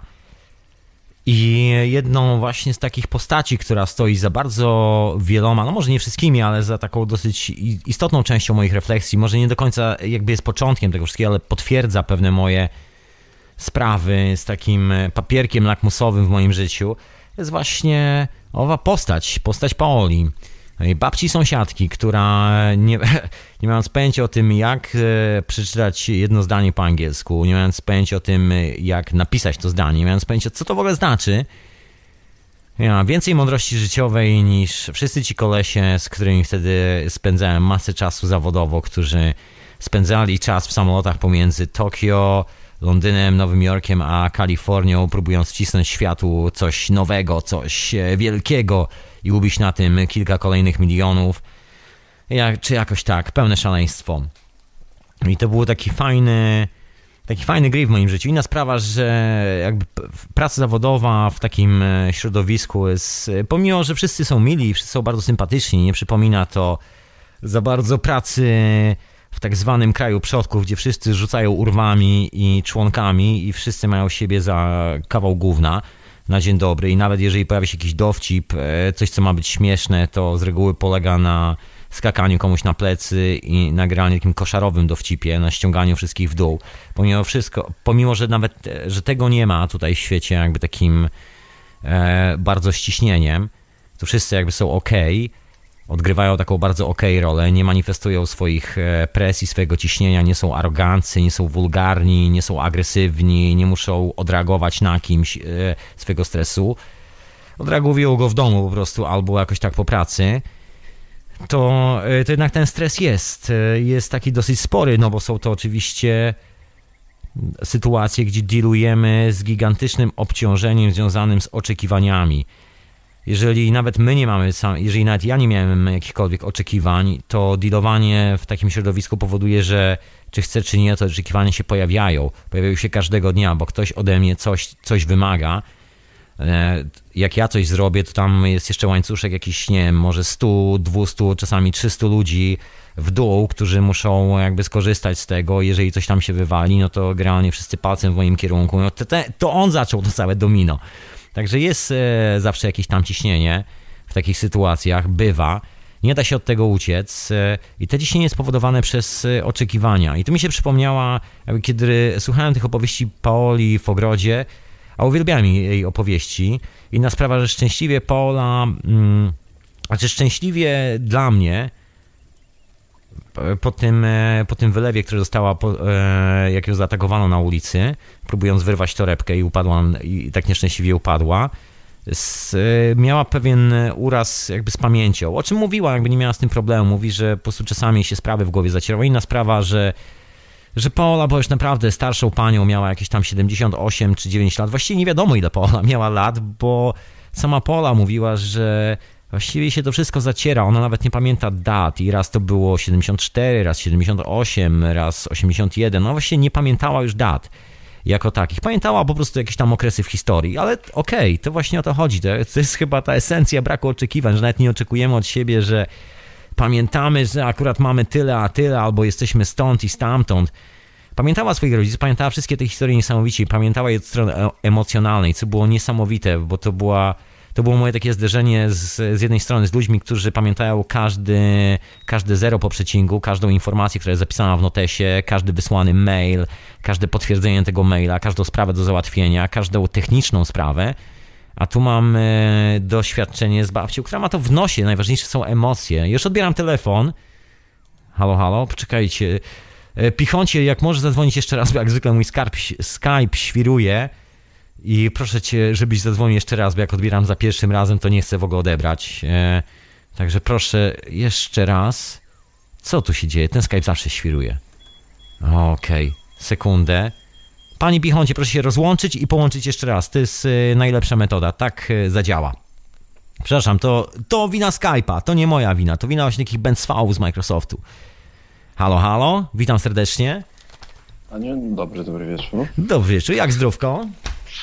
A dziękuję, nie najgorzej, no. Trzymam się ja. Witam serdecznie. Dzięki, dzięki panie Grochu. Jakoś żyje się po trochu. Dokładnie. Włączyłem z pracy, włączam to radio, te wszystkie lampy się grzeją i słyszę, jak ty tu opowiada. O babci sąsiadce, o, tak. tej, o babci sąsiadce. I oczekiwaniach. Ja, mhm. No właśnie, ja mam tylko jedno pytanie. Czy, czy, jaka to jest audycja? Czy to jest hiperprzestrzeń, to jest wieczorowa pora? Sorry, bo nie, nie sprawdzałem i nie wiem. Hiperprzestrzeń, proszę pana. Pan nie sprawdza? Pan, pan, jaka to jest audycja? A czy to jest na żywo? czy, czy ja dodzwoniłem się do radia? Czy to jest o psychopatach? Nie, nie, nie. Chociaż poniekąd myślę, że wiesz, że wielu z ci ludzie, których poznałem, którzy jakby pisali ten soft, to taki klasyczny przykład właśnie, nie wiem czy w dobrym tego słowa znaczeniu psychopatów czy złych, wiesz, swoje zrobili. Wszyscy, no może nie wszyscy, ale część z nas ma te urządzenia. Ja po prostu dostałem tak czy siak, nawet nie, nie, nie starałem się, po prostu dostałem to urządzenie i je mam. Przepraszam, ja nie wiem o czym mówisz, bo ja dopiero wróciłem do domu i łączyłem dopiero na Paoli, no także nie wiem, jakie urządzenie. No ale dobra, no to ja chciałem porozmawiać o, o tych, um, o oczekiwaniach. No dokładnie, bo na ten, na, na, to jest temat dzisiejszego odcinka, oczekiwania i tym, czy nas e, robią lepszymi, czy gorszymi. Gdzie jest ten balans no, w oczekiwaniach? Czy nas robią lepszymi? Ja myślę, że one, wiesz co, nie przemyślałem sprawy, tylko tak mnie po prostu wciągnąłeś w to, że myślałem, zadzwonię, pogadam. Ale myślę, wiesz co, że one, one przede wszystkim chyba robią nam zamęt, utrudniają nam życie, tak mi się wydaje. Bo ja na przykład do tematu oczekiwań już od jakiegoś tam czasu podchodzę dosyć poważnie właśnie, żeby, wiesz, nie mieć. E, I powiem ci, że w niektórych kwestiach w życiu mi się udaje to znakomicie, ale, ale okresowo. ciężko jest się uwolnić, tak wiesz, żeby nie mieć w ogóle oczekiwań. No, jest jednak, jednak to jest taka, taki, taki schemat, w jakim chyba siedzimy po prostu, że zawsze jednak czegoś oczekujemy, a, a jeżeli właśnie przestaniemy oczekiwać od innych ludzi, od życia w ogóle, wiesz, od naszego mhm. losu, czegokolwiek, to się wyzwalamy znakomicie, bo wiesz, przyjmujemy jak Big Lebowski, przyjmujemy po prostu co jest, to jest Dude. i tyle. Nie? No bo, bo tak to jest walka z wiatrakami trochę, wiesz, te oczekiwania. Dokładnie. Jeżeli, jeżeli, jeżeli czegoś się... Znaczy, wiesz, miałem taki, to zależy jeszcze szybko, jak to patrzeć. No. Słuchaj, szybko ci bo miałem taki kontrast sytuacyjny, bo dziewczyna, z którą e, wynajmowałem ten dom, tuż obok e, Paoli, ona miała bardzo dużo oczekiwań. Ona robiła, wiesz, karierę w takiej bardzo rządowej instytucji tutaj w, w Anglii i naprawdę pięła, pięła się jak, e, jak szalona po tych szczeblach kariery, ale to był fenomen, e, że nie potrafiła złapać kontaktu z babcią sąsiadką. Uważał za świra, tylko dlatego, że babcia czasami zapominała i tą samą historię potrafiła opowiedzieć pięć razy, ale że było zabawniej, a czy ja to uwielbiałem, bo za każdym razem w tej historii pojawiały się pewne detale, o których ona czasami zapominała, także żeby skumać całą historię, warto było wysłuchać i nawet 10 razy, bo wtedy pojawiały się dodatkowe smaczki i jakby sam kontakt z człowiekiem był, wiesz, niesamowity. Właśnie tych brak oczekiwań, to ja mogę słuchać takiej historii przez całe życie i mi się nie znudzi, wiesz, bo tam nie ma właśnie tej gonitwy i pamiętam ten taki clash um, Virginii, bo tak miała na imię moja, moja współlokatorka, Virginii z, z Paolą, że ona po prostu nie lubiła strasznie, bo dla niej rozmowa z Paolą była stratą czasu. Ona gdzieś ciągle biegła, a na końcu, kiedy już nie miała gdzie biec, siadała przed telewizorem, oglądała jakieś e, mydlane opery, popijając e, szklanką z winem, rozumiesz? I, I, na tym się koń, kończyła rzeczywistość. A gdzieś tam z Paulą, wiesz, wysłuchiwałem jej historię o tym, jak się gubi gdzieś e, e, na jakiejś drodze w Arizonie i wiesz, albo płynie statkiem do Australii razem z mężem przez trzy tygodnie gdzieś tam w latach 50. Niesamowite historie. Takie bardzo, wiesz, mądre, bo właściwie w tych historiach było bardzo dużo emocji. Nie, nie było właśnie dat. I to było takie potwierdzenie pewnego, nie wiem, może nie tyle konceptu, ile jakby całego tego zjawiska, że wiesz, że oczekiwania, na przykład, nie wiem, oczekujemy e, takiej bardzo dużej dokładności od siebie w tym w życiu, tak na co dzień, wiesz, bo rzeczywistość wymaga dokładności. Musimy podać numer, musimy pamiętać e, jakieś tam sprawy co do zera, Rozumiesz? A to jest y, osoba, która ma to w nosie, jakby nie pamięta dokładnie dat, po prostu pamięta emocje z tych historii, daje ci po prostu emocje. Tak, tu się zgadzam. Wiesz co, mi się wydaje, że w ogóle każdy z nas chyba i myślę, że każdy ze słuchaczy też jak się tak zastanowi, to dojdzie do wniosku prawdopodobnie, że e, właśnie oczekiwania utrudniają nam życie, a kiedy ich się pozbędziemy, znaczy, myślę, że mało, mało można by znaleźć ludzi, którzy się wyzbyli na, tak naprawdę oczekiwań, bo to jest taka cecha, którą każdy z nas ma na stałe przypisane, ale dlatego fascynują nas potem, wiesz, takie historie typu na przykład właśnie czy Big Lebowski, czy Forrest Gump chociażby, który wiesz, no to, to był hollywoodzka tak, produkcja, ale opowiadająca właśnie historię gościa praktycznie bez oczekiwań. Tak, tak, absolutnie. Ale wiesz, to nie tylko, bo my tak się, wiesz, hollywoodzkie to produkcje... Tęskni, tęsknimy za tym, wiesz, żeby, żeby nie mieć właśnie ale takich zobacz, problemów. na archetyp kulturowy taki, na którym są oparte z reguły, albo próbują się opierać jakieś, wiesz, wierzenia, teologii i tak dalej. Słuchaj, Buddha nie miał oczekiwań, dlatego był Buddą, dlatego ta, ten koncept trwa do dzisiaj. To jest koncept braku oczekiwań. Tak, bo on, jest, on jest naprawdę super. Ja ci powiem, że tak jak wspomniałem, no mnie się czasami udaje w niektórych kwestiach przez jakiś czas rzeczywiście nie mieć oczekiwań i żyć bez tych oczekiwań. W niektórych rejonach życia powiem ci, że wprowadziłem w przeciągu powiedzmy ostatnich trzech lat e, właśnie no, bardzo niski poziom oczekiwań. E, I powiem ci, że to jest ciężkie do zaakceptowania na początku. E, no bo jednak coś tam mamy zawsze naukładane w głowie, jakiś mamy swój porządek rzeczy, że spodziewamy się, że tak się powinny rzeczy układać, a nie inaczej, że chcielibyśmy przykładowo, żeby nasze dzieci na przykład wychowywały się tak, a nie inaczej, prawda, żeby zachowywały się tak, a nie inaczej, ale w którymś momencie, jak sobie pomyślisz, e, no bo wiesz co, ja ci powiem, że na przykład przykład właśnie mojego podejścia do, do mojej córki, ja właśnie nad tym pracowałem, żeby nie obciążać ją swoimi oczekiwaniami. E, I, I tutaj nie zawsze potrafiłem się powstrzymać, żeby wiesz, na przykład czegoś nie skomentować, czy, czy żeby nie, nie próbować. Znaczy, ja uważam, że to było akurat ok, że próbowałem ją naprowadzić na jakąś drogę, którą ja uważam za słuszną, ale yy, właśnie staram się nie mieć oczekiwań w tym wszystkim. Zrobi dalej, jak uważa, wiesz, jej życie. Nie, nie można starać się rzeczywistości świata dopasować do swoich oczekiwań, dlatego że się po prostu nie da i, i oczekiwania są z góry skazane na porażkę. W niektórych kwestiach czasami nam się uda, ale w większości mhm. raczej nie chyba. Co, nie, nie wiem jak ty, ale ja mam na przykład taki przykład ze swojego życia, jak byłem młody i coś tam chciałem, to wiesz, gdzieś przeczytałem, że trzeba afirmować to, co się chce. To jest taka nie, modna idea, którą wielu ludzi się zaraża, też się zaraziłem jak byłem młody, że trzeba afirmować, że... A, typu tam te, te filmy co sukces były tak, takie... no to jeszcze grubo przed tym, bo to wiesz, jakby... No tak, tak, tak, ale ja nawiązuję bo, tak, do tego tak, z tego tak. względu, że bardzo dużo ludzi kojarzy właśnie tą koncepcję w ten sposób, z tym tak, filmem. Tak, absolutnie. I miałem wiesz bardzo co? ciekawą lekcję, to była taka lekcja, kiedy miałem, e, wiesz, 17 lat dosłownie i sobie ten plakat z tym czymś, czy, czy jakoś tak powiesiłem na ścianie. On wisiał chyba przez rok na ścianie. I powiem ci szczerze, że z każdym dniem miałem takie wrażenie, że się od tego oddalam. Chociaż bardzo chciałem, to, to wszystko, co się działo dookoła, powodowało, że się oddalałem od tego celu. I później stwierdziłem, że pieprzę to wszystko, przemalowuję pokój, jako nastolatek jakoś tak, bo to no, byłem nastolatkiem No i przemalowałem pokój, musiałem zerżeć wszystkie te rzeczy ze ściany i tak dalej, i tak dalej. Słuchaj, minął, e, minęły dwa miesiące, jakoś, jakoś tak, i ta rzecz pojawiła się w moim życiu. I to, był, to była taka mocna lekcja, jak byłem nastolatkiem. I zacząłem się zastanawiać, zaraz, zaraz, to jak to jest z tymi afirmacjami? Jak się stałem, z całą wiesz, ściemą na ten temat, że ciągle musimy czegoś pożądać? Przecież właśnie pożądałem czegoś, bardzo chciałem to mieć i przez cały czas, jak sobie to wklejałem, miałem na ścianie, to nigdy tego nie miałem. I nagle, jak pozbawiłem się tego, to okazało się, że się pojawiło w moim życiu. Tak, ale wiesz co, ja w pewnym okresie mm, no jakiś czas temu, ja tam wypuściłem parę takich odcinków y, swojego podcastu, gdzie ludzie, y, no, był, był duży feedback. Dużo ludzi do mnie pisało, w konkretnej tematyce i bardzo dużo ludzi mi podsuwało właśnie jako pomysł na życie, na spróbowanie czegoś ciekawego, to właśnie to, co mówią w tym filmie Sukces. Ja ten film oglądałem no, wiele lat temu, jak on tylko się pojawił i powiem Ci, że ja zawsze y, jestem jednak przeciwnikiem tego typu produkcji, tego typu, głoszenia tego typu idei w taki sposób poradnikowy prawie, że z, z, tego względu, że właśnie pojawiają się oczekiwania, które mają bardzo nikłe szanse na, na spełnienie się. I to tak naprawdę ludzi dołuje. Wiesz, y, to jest tak jakby, jak się ludziom pokaże jakąś drogę, łatwość osiągania sukcesu w czymś, to ludzie potem przeżywają bardzo duży zawód, kiedy im się to nie udaje. I tak naprawdę jest to deprymujące.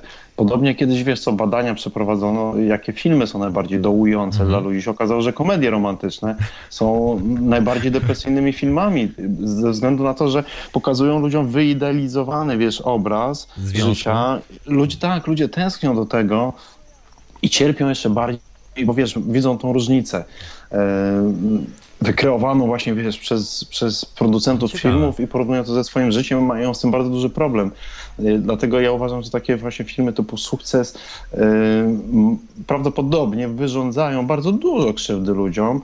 Niemniej jednak same w sobie y, mają sens, tylko że y, on jest dosyć głęboko w tym wszystkim, wiesz. Znaczy on jest, on jest jakby podany wprost, ale nie jest taki, wiesz, że wystarczy pstryknąć i, i zrobić zgodnie z instrukcją.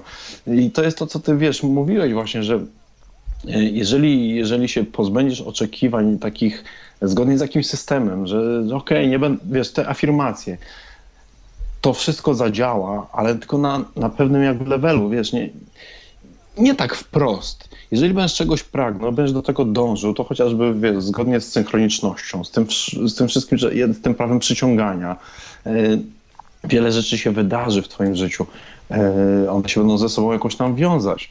Ale nie jest to mhm. na zasadzie oczekiwań, wiesz, bo jeżeli wykonasz ruch i oczekujesz teraz, że teraz się, teraz się staniesz na przykład bogaty, w związku z tym, że już sobie afirmowałeś, no to, to raczej z tego wyjdzie, krótko mówiąc, jedna wielka, wiesz, taka tłusta, owłosiona dupa świńska z ogonkiem. No, zgadzam się absolutnie, zgadzam się absolutnie z tym.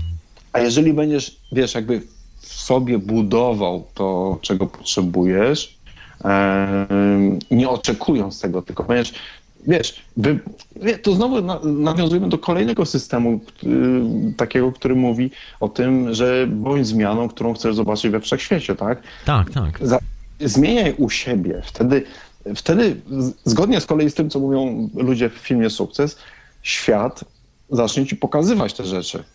Bo ty musisz być, wiesz, to, to, to, jest, to jest twój świat, który musisz wykreować u siebie i wtedy, wtedy jakby nałożysz sobie znowu jakieś filtry, które pozwolą ci postrzegać świat lekko inaczej i zaczniesz dostrzegać to, co ci pasuje do twojej koncepcji.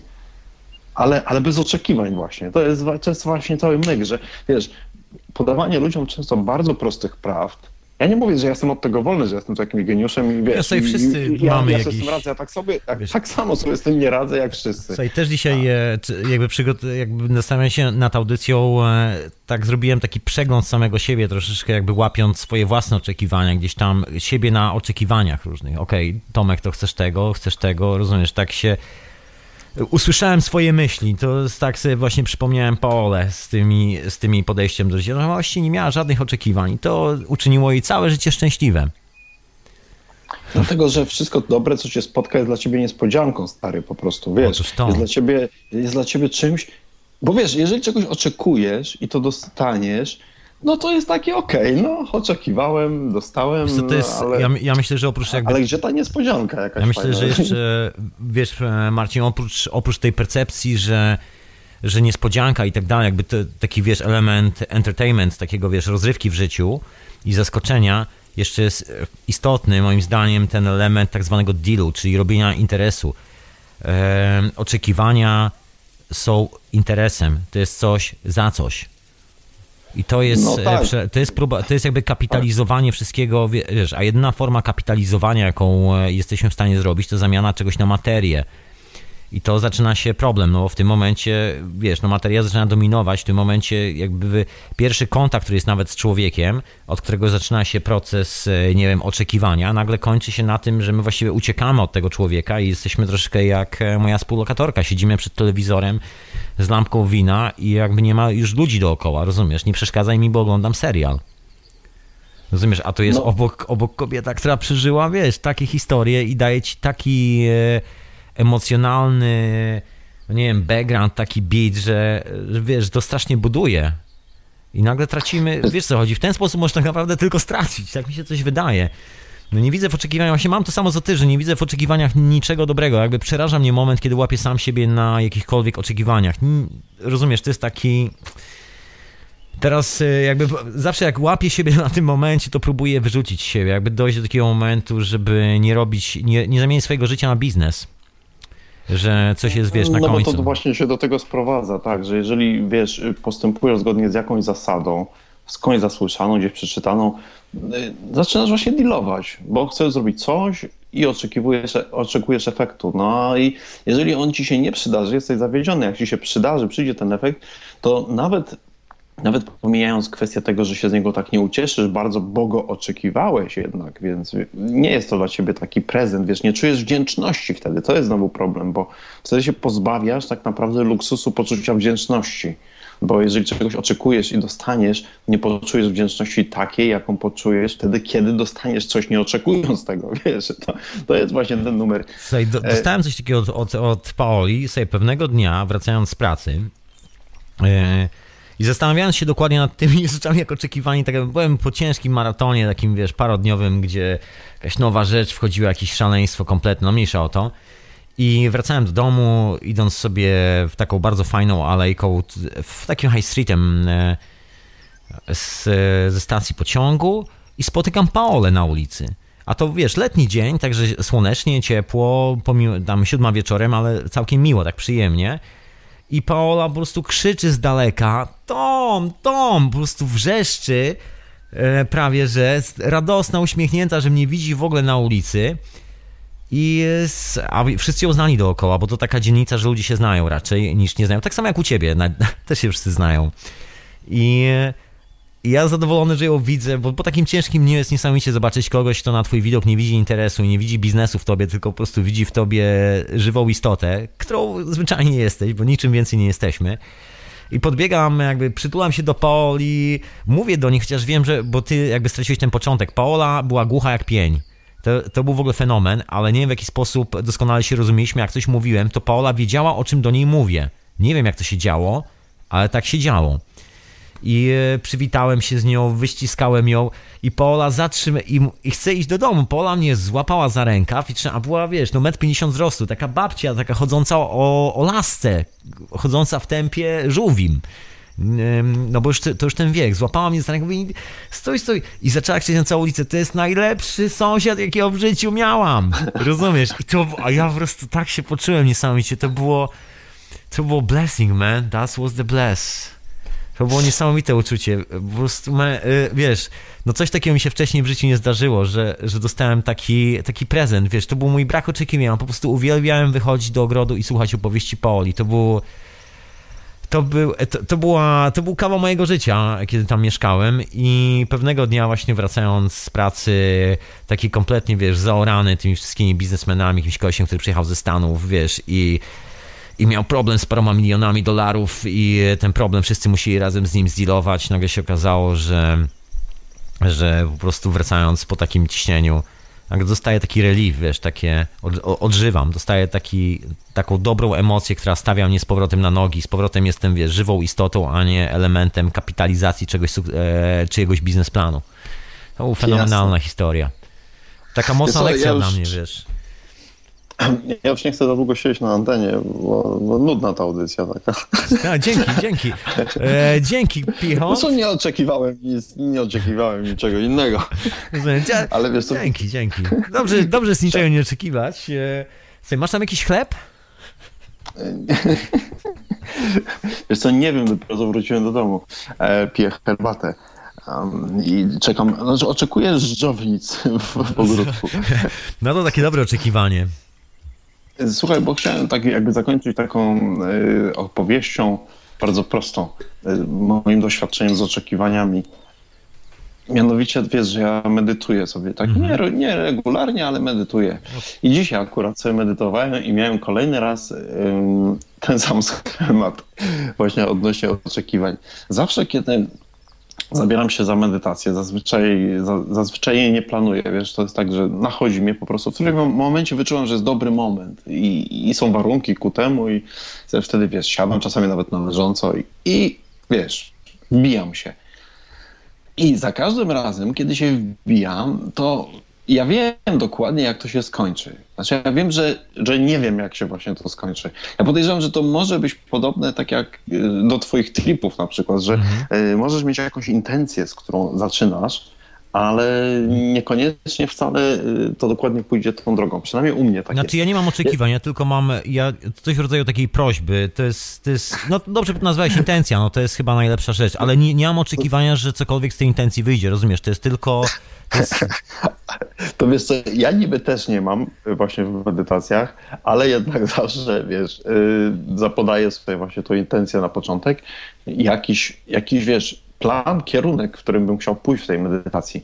Wiadomo, że kiedy, kiedy próbujesz, yy, kiedy rozpoczynasz medytację, próbujesz wejść w ten stan, trans, nie wiem jak to nazwać nawet, yy, dojść do tej medytacji właściwej, yy, no w pewien sposób musisz się pozbyć myślenia, więc musisz się pozbyć też i tych intencji, i tych myśli. Więc ja jakby na samym początku próbuję sobie wbić do głowy tą intencję, myśl, myśląc, że wiesz, no powstanie jakieś połączenie, że potem kiedy pozbędę się myśli, kiedy przestanę myśleć o czymkolwiek, zapomnę o tych intencjach, no to jednak to gdzieś tam wróci, kiedy już się znajdę w tej, w tej głębokiej medytacji. No i zawsze się dzieje tak, że dostaję kompletnie coś innego. E, niemniej jednak ani razu, powiem ci, ani razu w żadnej medytacji nie było, mówię o tych udanych, bo były też oczywiście nieudane, ale w żadnych z tych udanych medytacji nie było tak, żebym żałował, żebym zamienił to, co dostałem, na to, czego oczekiwałem. Rozumiesz, to co planowałem nigdy się nie sprawdza i zawsze jest to dobrze. Zawsze jest tak, że jazda, na którą trafiam, po prostu jest tak ciekawa, y, tak, tak ciekawe jakby wrażenia i czasami wnioski, nawet wiesz, wyciągam sobie z tej medytacji potem, że myślę, kurde, a gdybym poszedł tą drogą, którą zakładałem, to, to nie dostałbym, kurczę, czegoś takiego fajnego. I wniosek i rada taka moja dla wszystkich to jest po prostu oczekujcie, owszem, oczekujcie nieoczekiwanego. O. A będzie oczekujcie, ale nie wymagajcie. Tak, miałem, oczekujcie to... tego, że, że spotka was coś nieoczekiwanego i to jest najfajniejsze. I to jest moja właśnie historia z e, moją babcią, sąsiadką Polu. Pamiętam, że w pewnym momencie moja współlokatorka Virginia powiedziała, ale przecież słuchaj, przecież ona ciągle mówi te same historie. I tak dalej, i, tak, i jakby za, próbowała mnie zarazić, jakby zrazić tym, wiesz. Mieliśmy taką, przy kolacji siedzieliśmy, rozmawialiśmy, ona strasznie, już któryś tam dzień z kolei wałkowała mnie, o, zostaw ją, zostaw ją, ona zawsze opowiada te same bzdury, nie? Coś w tym stylu, nie? E, I, z, I był jakiś taki moment, że byłem, pamiętam, też jakieś masę roboty i tak dalej, też taki przygięty, troszkę przygruzowany tym wszystkim. Wróciłem do domu, weekend taki, wiesz, już chcę naprawdę, żeby cały świat się ode mnie odpieprzył, dosłownie. Wiesz co chodzi, czasami człowiek tak ma, po, po ciężkim tygodniu wyoranym z wariatami, e, którzy gonią za nie wiadomo czym. Chciałem po prostu usiąść i odkleić się od tego wszystkiego. I wyszedłem do, skręciłem sobie dużego jointa, wyszedłem do ogrodu, E, usiadłem sobie na płotku obok, e, pojawiła się... Pojawiła się Paul, albo znacznie otwarte drzwi, coś chyba sobie gotowała, pojawiła się w drzwiach, pomachała mi ręką i był taki moment, że wiesz, miałem taki flashback, e, że pomyślałem, kurczę, może wiesz, może Virginia ma rację, może powinienem po prostu olać Paolo, siedzieć z tym jointem. Właściwie ta sytuacja nie wymagała ode mnie, żebym wstał, poszedł się przywitać, rozumiesz? Wystarczyło, że sobie pomachamy ręką. Naprawdę było ok, nie? Ale tak sobie pomyślałem, man, to chyba nie tędy droga. I pomimo jakby tego zmęczenia, tego, że w mojej głowie było więcej wątpliwości i właśnie takich oczekiwań, bo to wiesz, wątpliwość jest oczekiwaniem. To jest, to jest oczekiwanie, że coś się już nie wydarzy, moim zdaniem. To jest właśnie wątpliwość. I taki, taką, mm. wiesz, wątpliwość, oczekiwanie w głowie. Myślę, nie, no, nie, nie chcę tego robić w ten sposób, nie chcę żyć w ten sposób. Stałem, e, podszedłem do Paoli, słuchaj, i usłyszałem kilka historii, których, których w życiu mi wcześniej nie powiedziała. Rozumiesz, które mnie naprawdę które zmieniły w ogóle mój cały wieczór. Nagle się, w ogóle było niesamowite. I to, to było, wiesz, to jest ta nagroda, którą dostajemy od życia, od losu, od ludzi dookoła, kiedy nie mamy żadnych oczekiwań. Takich gift. Tak, a w, a, w, a w ogóle wiesz co, tutaj też tak troszeczkę nawiązujesz do tematu świrów generalnie, bo e, ja nie mówię, że Paola akurat jest świrem, ale, ale że, no, że tak była, że tak jest, jest tak odbierana przez niektórych, nie? E, ja, ja w ogóle mam doświadczenia trochę takie ze świrami i powiem ci, że czasami wynikają z tego bardzo ciekawe historie. Ja już może nie, tym razem nie będę opowiadał, kiedyś opowiadałem gdzieś chyba u siebie w podcaście, chociaż nie jestem pewien, ale taką historię z, z moich kontaktów z bezdomnymi o, o, pistolecie. Nie wiem, czy ty ją znasz, czy nie. Ja ją znam, słuchaj. Może, może. Ja ci jeszcze zanim no, tu znikniesz bo... mi z anteny, ja ci każę zareklamować swój podcast. Głośno. Pichontarium.com Pichontarium.com e, Też w Radiu na Fali jest Pichontarium, także możecie i tu, i tu, proszę Państwa. No, ale wiesz, mi się wydaje, że tą historię o pistolecie tak kiedyś opowiadałem, ale chyba to jeszcze jak prowadziłem podcast o bezdomności, a to może jak go kiedyś przypomnę tą historię jeszcze raz w jakimś odcinku. To jest właśnie tak, że ze świrami jednak czasami się okazuje, że to nie do końca są świry. My ich tak odbieramy, bo mamy oczekiwania, że będą tacy jak my ale tu możemy wejść znowu w teorię umysłu, która mówi nam o I kto jest świrem? Tak, i kto to jest tak, świrem w tej całej To my jesteśmy świrami, absolutnie. Bo tak wiesz, koniec końców. Trzeba, bo, bo żyjemy w schematach, wiesz, a, tak. a, świry, no tak kolokwialnie mówiąc, świry mają często bardzo otwarte umysły, wiesz, mają odblokowane. Dlatego widzisz, wiele badań odnośnie, bo tak jestem cały czas w temacie tej e, synchroniczności, wiesz, książkę sobie czytam i tam mhm. facet, który badał tą synchroniczność, psycholog w ogóle i psychiatra, e, przeprowadzał, wiesz, różne badania odnośnie wydarzeń synchronicznych a w ogóle synchronistycznych, to ja nawet nie wiem dlaczego tak to się odmienia, ale synchronistyczne. Y, I on przeprowadzał je, wiesz co, bardzo często i wyciągał trafne wnioski, y, analizując właśnie ludzi ze, z, różnymi, z różnymi schorzeniami psychicznymi, typu schizofrenia i tak dalej. I parę razy zadawano mu pytanie, dlaczego w zasadzie jego grupą, którą analizuje, y, są ci ludzie. I on, i on to fajnie jakoś do, tak dowodził, ja nie potrafię tego powtórzyć, ale chodziło o to, że ci ludzie właśnie mają wymieszany świat wewnętrzny z zewnętrznym, co ich odblokowuje, że oni nie, nie, nie siedzą w schematach, które im nie pozwalają zaglądać wewnątrz. Dlatego, że im to się wszystko wymieszało, oni nie wiedzą, które jest które, bo mają z tym jakiś tam problem, ale dzięki temu odbierają i co wewnątrz, i co na zewnątrz. I dlatego są tak naprawdę reprezentatywną grupą do badania wielu zjawisk.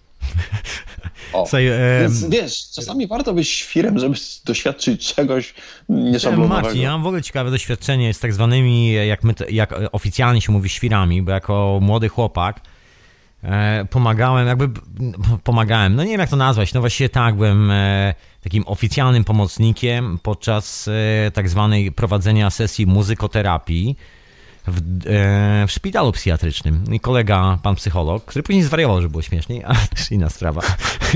E, oni podobno to tak już, to, to, to, jest tak, schemat. to jest choroba zawodowa, tak. E, to jest taki chyba schemat. Ale generalnie prowadził zajęcia i um, ja byłem jakby, wiesz, no pomagałem mu po prostu w tych zajęciach i prowadziłem zajęcia z tymi ludźmi. I powiem ci szczerze, że przeżyłem tam e, jedno z najbardziej spektakularnych e, takich doznań w swoim życiu jakby nie chcę tutaj mówić, bo bym musiał bardzo jakąś tam prywatną historię opowiedzieć, e, naruszając jakby prywatność innych ludzi dookoła, czego bym absolutnie nie chciał. No generalnie z, y, poczułem od tych ludzi, jakby dostałem od tych ludzi coś, czego nie dostałem od nikogo nigdy wcześniej, jeżeli chodzi o ciepło, emocje od tak zwanych wariatów, rozumiesz? To było coś, co mnie emocjonalnie przeorało i zmieniło, wiesz, mój punkt myślenia. To był moment, kiedy naprawdę skumałem, jako, wiesz, jako młody chłopak, e, że e, tak jak mówią Indianie, że ludzie, którzy, których my nazywamy e, szalonymi wariatami, to są, są darem dla świata. Bardzo często. Są, my sobie po prostu z tego nie zdajemy sprawy. Są ludzie, którzy mają, tak jak dokładnie to, co powiedziałeś przed chwilą, to są ludzie, którzy mają jakby ten kontakt e, z tą całą, wiesz, nie wiem, z, tym, z tą całą energią dookoła nas, z tym całym światem na wszelkich możliwych wymiarach naprawdę potężnie otwarty i jeżeli wszystko jest ok i my nie niszczymy tych ludzi, to oni jakby nigdy nie robią rzeczy destrukcyjnych. To była taka moja bardzo poważna lekcja. Zauważyłem, co tak naprawdę powoduje, e, wiesz, wszystkie te destrukcyjne zachowania. Dlaczego facet, który na co dzień jest niesamowity, jakby ciepły, wylądował w szpitalu psychiatrycznym, e, bo nagle się okazuje, że nie wytrzymuje presji ciśnienia społeczeństwa, w którym żyje, tego, że ma robić coś, co ma robić, jego głowa sobie z tym nie radzi, podbiega do ściany i wyrywa w ataku, w, ata, w ataku szału kaloryfer, rozumiesz? I, I też nic dobrego się dalej nie dzieje, bo jest, e, wiesz, napadany przez grupę pielęgniarzy, którzy mu strzykują strzykawki, no wygląda to dramatycznie bardzo i wiesz, to była moja lekcja, co my robimy z tymi ludźmi? To jest jak taki dar od, od wiesz, od losu, że mamy takich ludzi obok, a a doprowadzamy wszystko do takiej skrajnej sytuacji, bo nasze oczekiwania, właśnie, są nasze oczekiwania na temat, co jest normalne, a co nienormalne. Rozumiesz pan? No, no, właśnie, widzisz, oni nie mają z kolei takich oczekiwań, ja mówię o świrach teraz, e, tylko że oni mają ten problem, że oni nie potrafią zapanować, wiesz, e, bo oni się znajdują właśnie tak pomiędzy, wiesz, im się to wszystko miesza, oni nie potrafią się znaleźć ani w jednej rzeczywistości, ani w drugiej. Co, Marcin, Marcin ja się bo... tak zastanawiam, wiesz, kto z nas tak naprawdę potrafi zapanować nad tym światem, wiesz, bo my tak mówimy... Nie, no nikt z nas nie panuje Właśnie do końca. o to chodzi, nie? Nikt z nas nie panuje do końca, wiesz co, y, to znaczy... Tutaj już nie chcę rozwijać tematu, ale tu psychopaci mieliby najłatwiej, dlatego że oni właśnie oni są wyzbyci pewnych emocji, i dla nich to nie stanowi problemu, dlatego stanowią mocną siłę w, w obecnym społeczeństwie. Wiesz, w ogóle w rozwoju cywilizacji mają, mają y, swoją drogę z tego względu, że oni się nie będą wahać, y, nie będą mieli takich problemów właśnie emocjonalnych, które my mamy.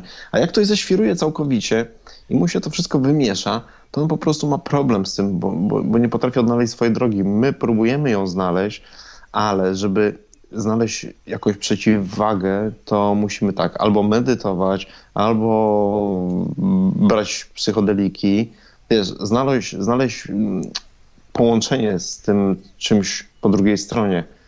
Ale potem wracamy z powrotem. Sejmiemy... Coś, się z tego, coś się z tego przyniesiemy, coś nie, nie? A oni są cały czas pomiędzy, wiesz, po, poruszyłeś, tak plączą. Poruszyłeś ciekawą rzecz, bo no, związaną z historią z Paolą, bo Inna sprawa, że w tym momencie czasu, kiedy tam mieszkałem, jakby, wiesz, pojawiła się cała ta historia z tak zwaną karierą, pojawiły się w ogóle bardzo poważne dylematy w mojej głowie, byłem po takich, e, po takich paromiesięcznych, no właściwie chyba, no niecałe pół roku i cztery miesiące sesji na Jahuasce, także jak wróciłem z tego wszystkiego do tego świata, to jakby pierwszy rok był ok, ale po tym pierwszym roku jakby ogarniania tego całego biznesu przyszły bardzo poważne refleksje na temat, wiesz, co ja tu właściwie robię i czy to jest świat, który chciałbym spotkać jutro rano. No i e, jeszcze do tego jakieś tam historie w moim życiu prywatnym związane ze związkiem, który kompletnie się zawalił z Runo, e, Runo i ja graniłem troszkę wyorany tym wszystkim. Wiesz, z jednej strony szaleńcy, szaleńcy, którzy chcą kontrolować świat, którzy płacą mi pieniądze za to, żebym razem z nimi dokonał e, tego spustoszenia i przybił pieczątkę na wszystkim, co się rusza. God damn fucking dollar everywhere. A z drugiej strony, wiesz, e, jakby taka potężna świadomość normalnego życia i powiem ci szczerze, że właśnie w tym domu czułem się tak e, właśnie dzięki obecności, wiesz, Paoli, babci Paoli, babci sąsiadki, czułem się tak rewelacyjnie, że e, tam miałem taką jedną z najbardziej spektakularnych chyba w swoim życiu e, sesji LSD, które zrobiłem tak sam ze sobą, tak terapeutycznie, wiesz, sam medytacyjnie w środku nocy, jeden pusta chata, gigantyczny w miarę ogród jak na londyńskie warunki, Wiesz, widziałem tylko, że mam babcię sąsiadkę obok i wiedziałem, że cokolwiek się stanie, zawsze rano będę mógł wyjść, poczekać na Paolę, rozumiesz, napić się z nią, nie wiem, herbaty, kawy, porozmawiać. Ona mnie zawsze łapała za rękę, jak ze mną rozmawiała, to było niesamowite, rozumiesz, jakby mieliśmy taki nawet fizyczny, jak prawdziwi ludzie, normalnie prawdziwi ludzie, nie było, wiesz, to nie był biznes.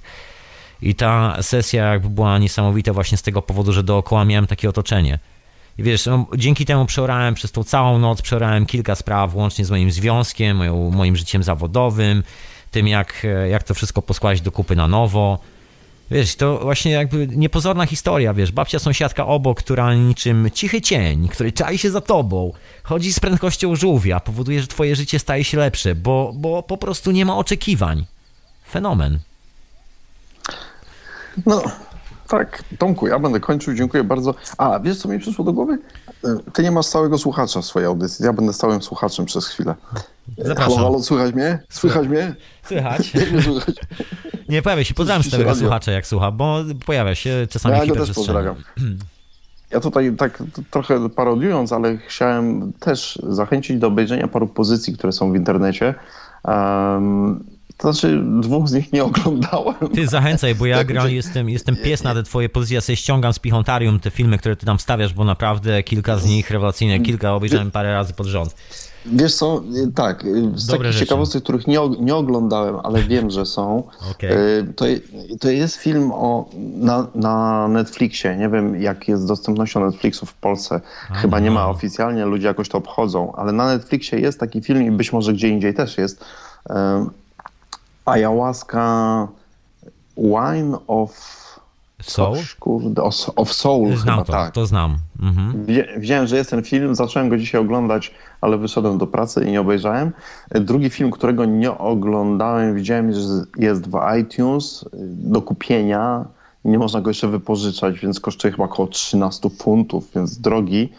E, więc, ale ludzie sobie podejrzewam poradzą. Na chomiku go jeszcze nie widziałem. E, to jest druga produkcja twórców właśnie Sekretu. Nazywa się... E, Chyba wiesz co, tak, no, mo, mogę wymieszać tłumaczenie siła serca, czy jakoś tak. Mhm. Power of, of, of the heart, the power of the heart, or, or something like that. No, All jakoś right. tak. We're gonna find it. No, We're gonna find it, Buster. Yeah. Co, coś, coś w rodzaju właśnie si- siły, energii serca. Zapomniałem dokładnie, jak ten tytuł jest. Ale jest to nowa produkcja, dopiero co się ukazała. Yy, Tam występuje Paulo Coelho. Yy, Jest też chyba współtwórcą tego filmu. Więc może być ciekawe. Może być ciekawe. Yy, Mówi chyba o emocjach. Widziałem tylko trailer filmu, nie, kupiłem, bo za 13 funtów tego nie kupię.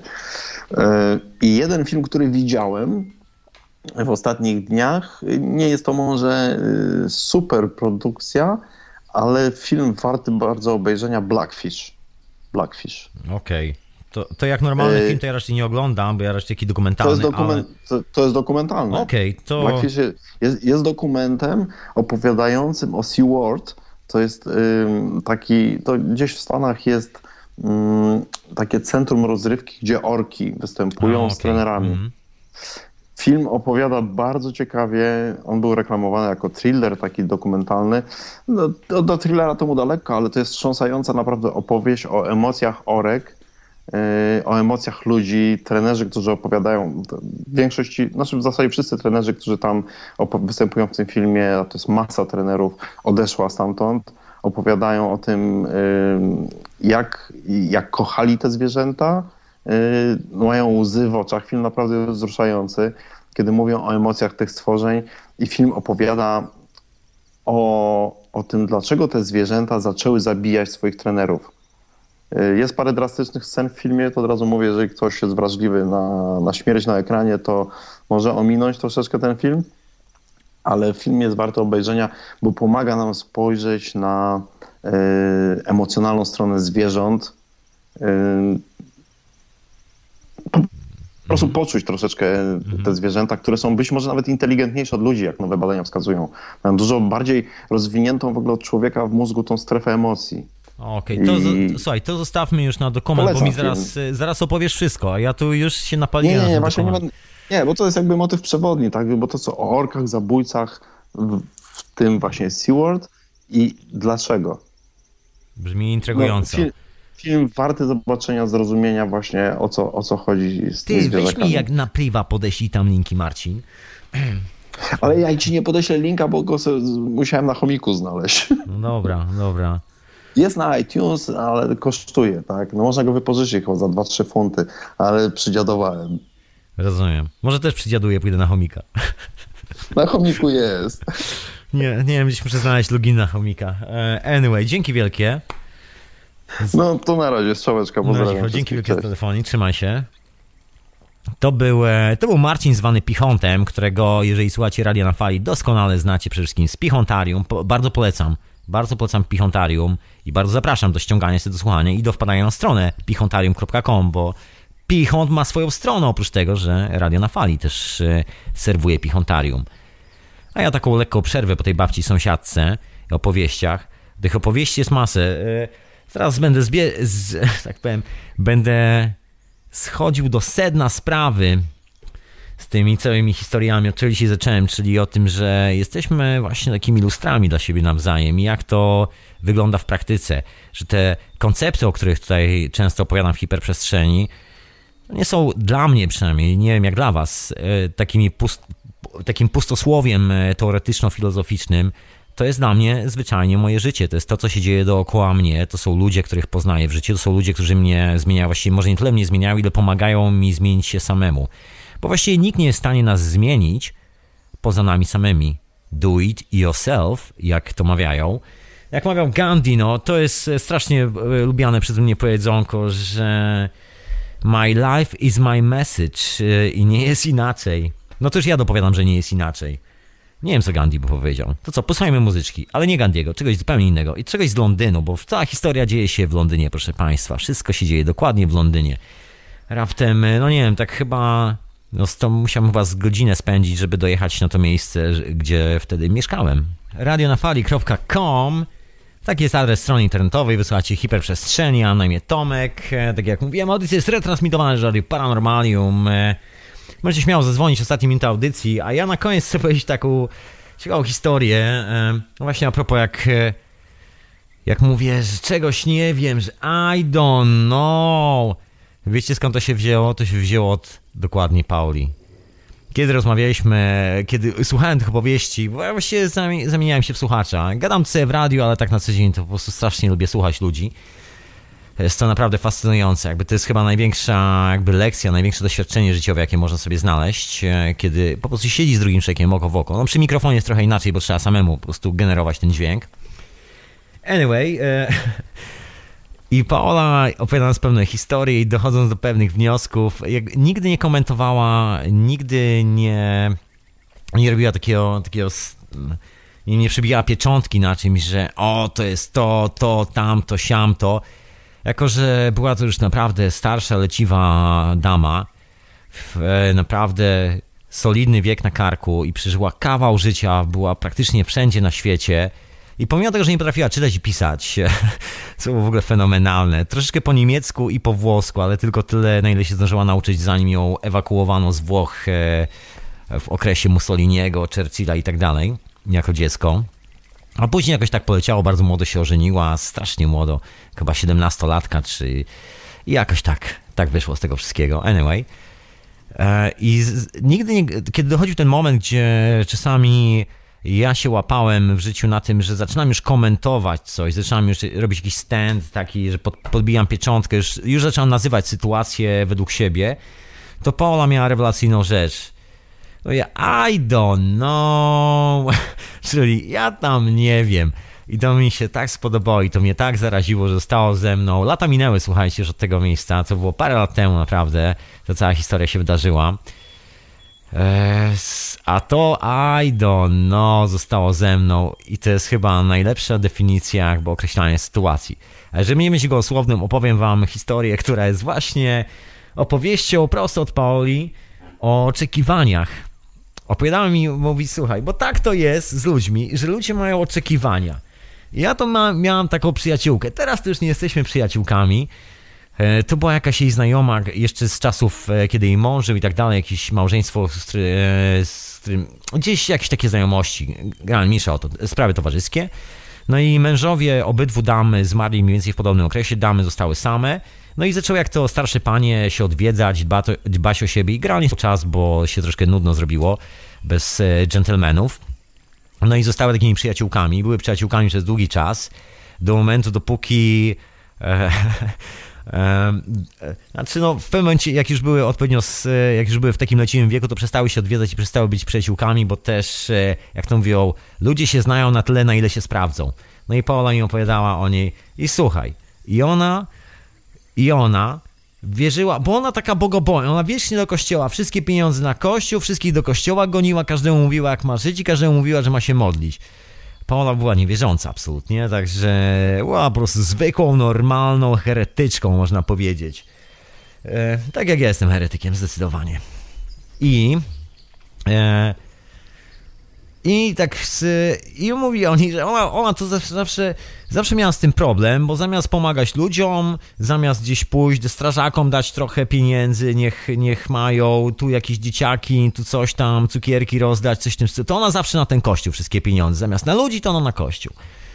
No i ona, y, z, i opowiadając tą historię dalej, o, dochodziło do tego, że ta jej przyjaciółka wpadła w straszną depresję no bo ten mąż zmarł, poczuła się bardzo samotna z tego wszystkiego i ta depresja zaczęła dominować jej życie, dominować, dominować, na tyle, że starsza pani postanowiła ze sobą skończyć. No i postanowiła skończyć w taki bardzo spektakularny sposób. E, e, słuchajcie, Paula opowiadała mi to e, ryjąc ze śmiechu. To było w ogóle fenomenalne oglądać taką prawie 80-letnią staruszkę, która po prostu mówi przez śmiech i ledwo się trzyma. Ja utrzymałem za rękę, żeby się nie przewróciła, bo po prostu śmiała się totalnie. Historia naprawdę zabawna i mówi, słuchaj. I ona postanowiła ze sobą skończyć. Postanowiła, że będzie blisko tego swojego Boga poszła na pierwsze piętro do sypialni, postawiła sobie stołeczek, otworzyła okno, weszła, bo ona taki bonkers jak ja jest. Y, my tak samo głupie jesteśmy. I postawiła sobie ten stołeczek, weszła na ten stołeczek, otworzyła okno i skoczyła. I połamała sobie ręce i nogi i nic jej się nie stało. I wylądowała w szpitalu na tym blaku. I mówi, i tak to się skończyło, jak chciała być blisko swojego Boga. Y, I taka była ta historia, bo ta jej znajoma ciągle czegoś oczekiwała. No i Pola później odwiedzała w szpitalu. E, oczywiście cały czas śmiejąc się z niej nieprzeciętnie. No to taka głupia historia. Po prostu człowiek chce w taki głupi sposób po prostu zrobić sobie krzywdę. No ludzie, dajcie spokój. E, no i później się wydarzała ta historia z Paulą, że została zaatakowana przez ten gang, który próbował jej e, zabrać torebkę i wylądowała w szpitalu. No i się okazało, że przyjaciółka już nie miała czasu jej odwiedzić. I to był moment, kiedy przyjaciółki się, że tak powiem, skończyły. I to jest kolejna taka mądrość życiowa, że znamy się na tyle no właśnie, na ile się sprawdzimy troszkę w życiu, na ile sami jakby sprawdzimy to w rzeczywistości, bo wszystkie te teorie, wszystkie te koncepcje, jak piękne by nie były, jak duchowe by nie były, jak fantastyczni ci ludzie by nie byli w opowiadaniu tych koncepcji, to słuchajcie, wszystko sprowadza się do tego, jacy jesteśmy na, so, na co dzień dla siebie, jako zwykli ludzie, czy potrafimy sobie podać rękę, czy też e, rzucamy kurwami w swoim kierunku, za przeproszeniem. To jest dokładnie taka prosta refleksja na temat naszej egzystencji, na temat naszego życia. Czy, czy to my jesteśmy dla siebie, czy też e, jesteśmy tylko czymś w drodze, żeby zrealizować nasze wyimaginowane oczekiwania i wszyscy dookoła są tylko kolejnym krokiem na szczeb- kolejnym szczebelkiem tej drabiny do sukcesu, którą sobie gdzieś w głowie wymyśliliśmy? Takie myślę dobre pytanie. Ja sobie to pytanie zadałem, e, zadaję bardzo często do dzisiaj wykonując jakieś rzeczy, czy to, co naprawdę robię, jest to, co, czy jest to, co powinno być, czy to jest świat, którym ja chcę się obudzić, czy to jest, y, czy to uczyni kogokolwiek szczęśliwego? No właśnie. Dzisiaj miałem ciekawą rozmowę, tak już na sam koniec, właśnie a propos tych historii, bo sobie dzisiaj przypomniałem właśnie ten cały kawałek swojego życia związany z Paolą jej opowieściami o tym, e, jak, jak bardzo pomogła mi jakby zahaczyć jakby pewne refleksje. Z pewnymi rzeczami byłem do końca pewien, znaczy byłem pewien, ale nie pewien, wiecie jak to jest. E, czasami wydaje mi się, bardzo często jakby że nie. W jeszcze nie przeżyłem całego życia. Nie mam tu lat za sobą, żeby móc wyciągać, żeby czuć się na siłach, żeby wyciągać takie e, solidne wnioski, które czasami się pojawiają w różnych konceptach, które do mnie docierają. Czuję je, czuję, że to jest jakby część mojego życia. Czuję, że tak naprawdę to się wszystko kręci, że właśnie na tym polega kwintesencja tego zjawiska, zwanego moim życiem. Ale czasami jest troszkę taki głos z boku, jak e, ta moja współlokatorka Virginia, która mówi, nie, to taka, nie słuchaj tych samych historii, po co masz słuchać, czy jakoś tak. I E, I że tak powiem, e, spotkanie takiej osoby jak Paula pomaga mi jakby w takiej prostej rzeczy. Nagle się okazuje, że faktycznie tak to działa, że, że, że warto się czasami e, zastanowić troszeczkę lepiej nad, może nie tyle zastanowić, ile warto poczuć pewne rzeczy z troszkę innej perspektywy. Warto spojrzeć na świat oczami drugiego człowieka dając mu taki absolutny kredyt zaufania właśnie bez e, jakichkolwiek oczekiwań. Bez absolutnie jakichkolwiek oczekiwań, że cokolwiek z tego dostaniemy. Po prostu I don't know, I don't know. Też tego nie wiem. Nie wiem, co przyniesie życie w przyszłości. Nie wiem, co się wydarzy dalej. Nie mam bladego pojęcia. I chyba to jest najpiękniejsze w tym wszystkim. Dzisiaj tak sobie siedziałem właśnie z, w kuchni, się okazało, że sąsiad się pojawił, zapukał, wpadł. Także, a tu gorący garnek ze świeżą, rewelacyjną zupą, moi drodzy. Na wieczorowej porze dam wam przepis na tą zupę. E, sąsiad wpadł, usiadł, siedzimy przy stole, mówię, słuchaj, to weź sobie coś, e, nalej sobie tej zupy i zjedzmy coś razem. Więc sobie zjedliśmy zupę i sobie zaczęliśmy rozmawiać e, przy takim lunchu późnym.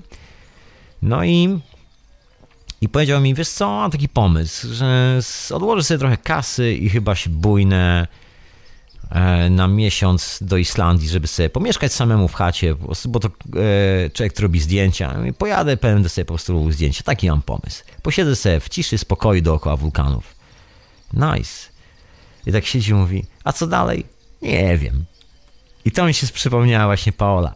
I don't know. To jest piękna esencja życia. To jest chyba to, co powinniśmy zatrzymać w sobie zawsze. Jeżeli cokolwiek musimy i powinniśmy, to chyba właśnie ową sentencję. I don't know.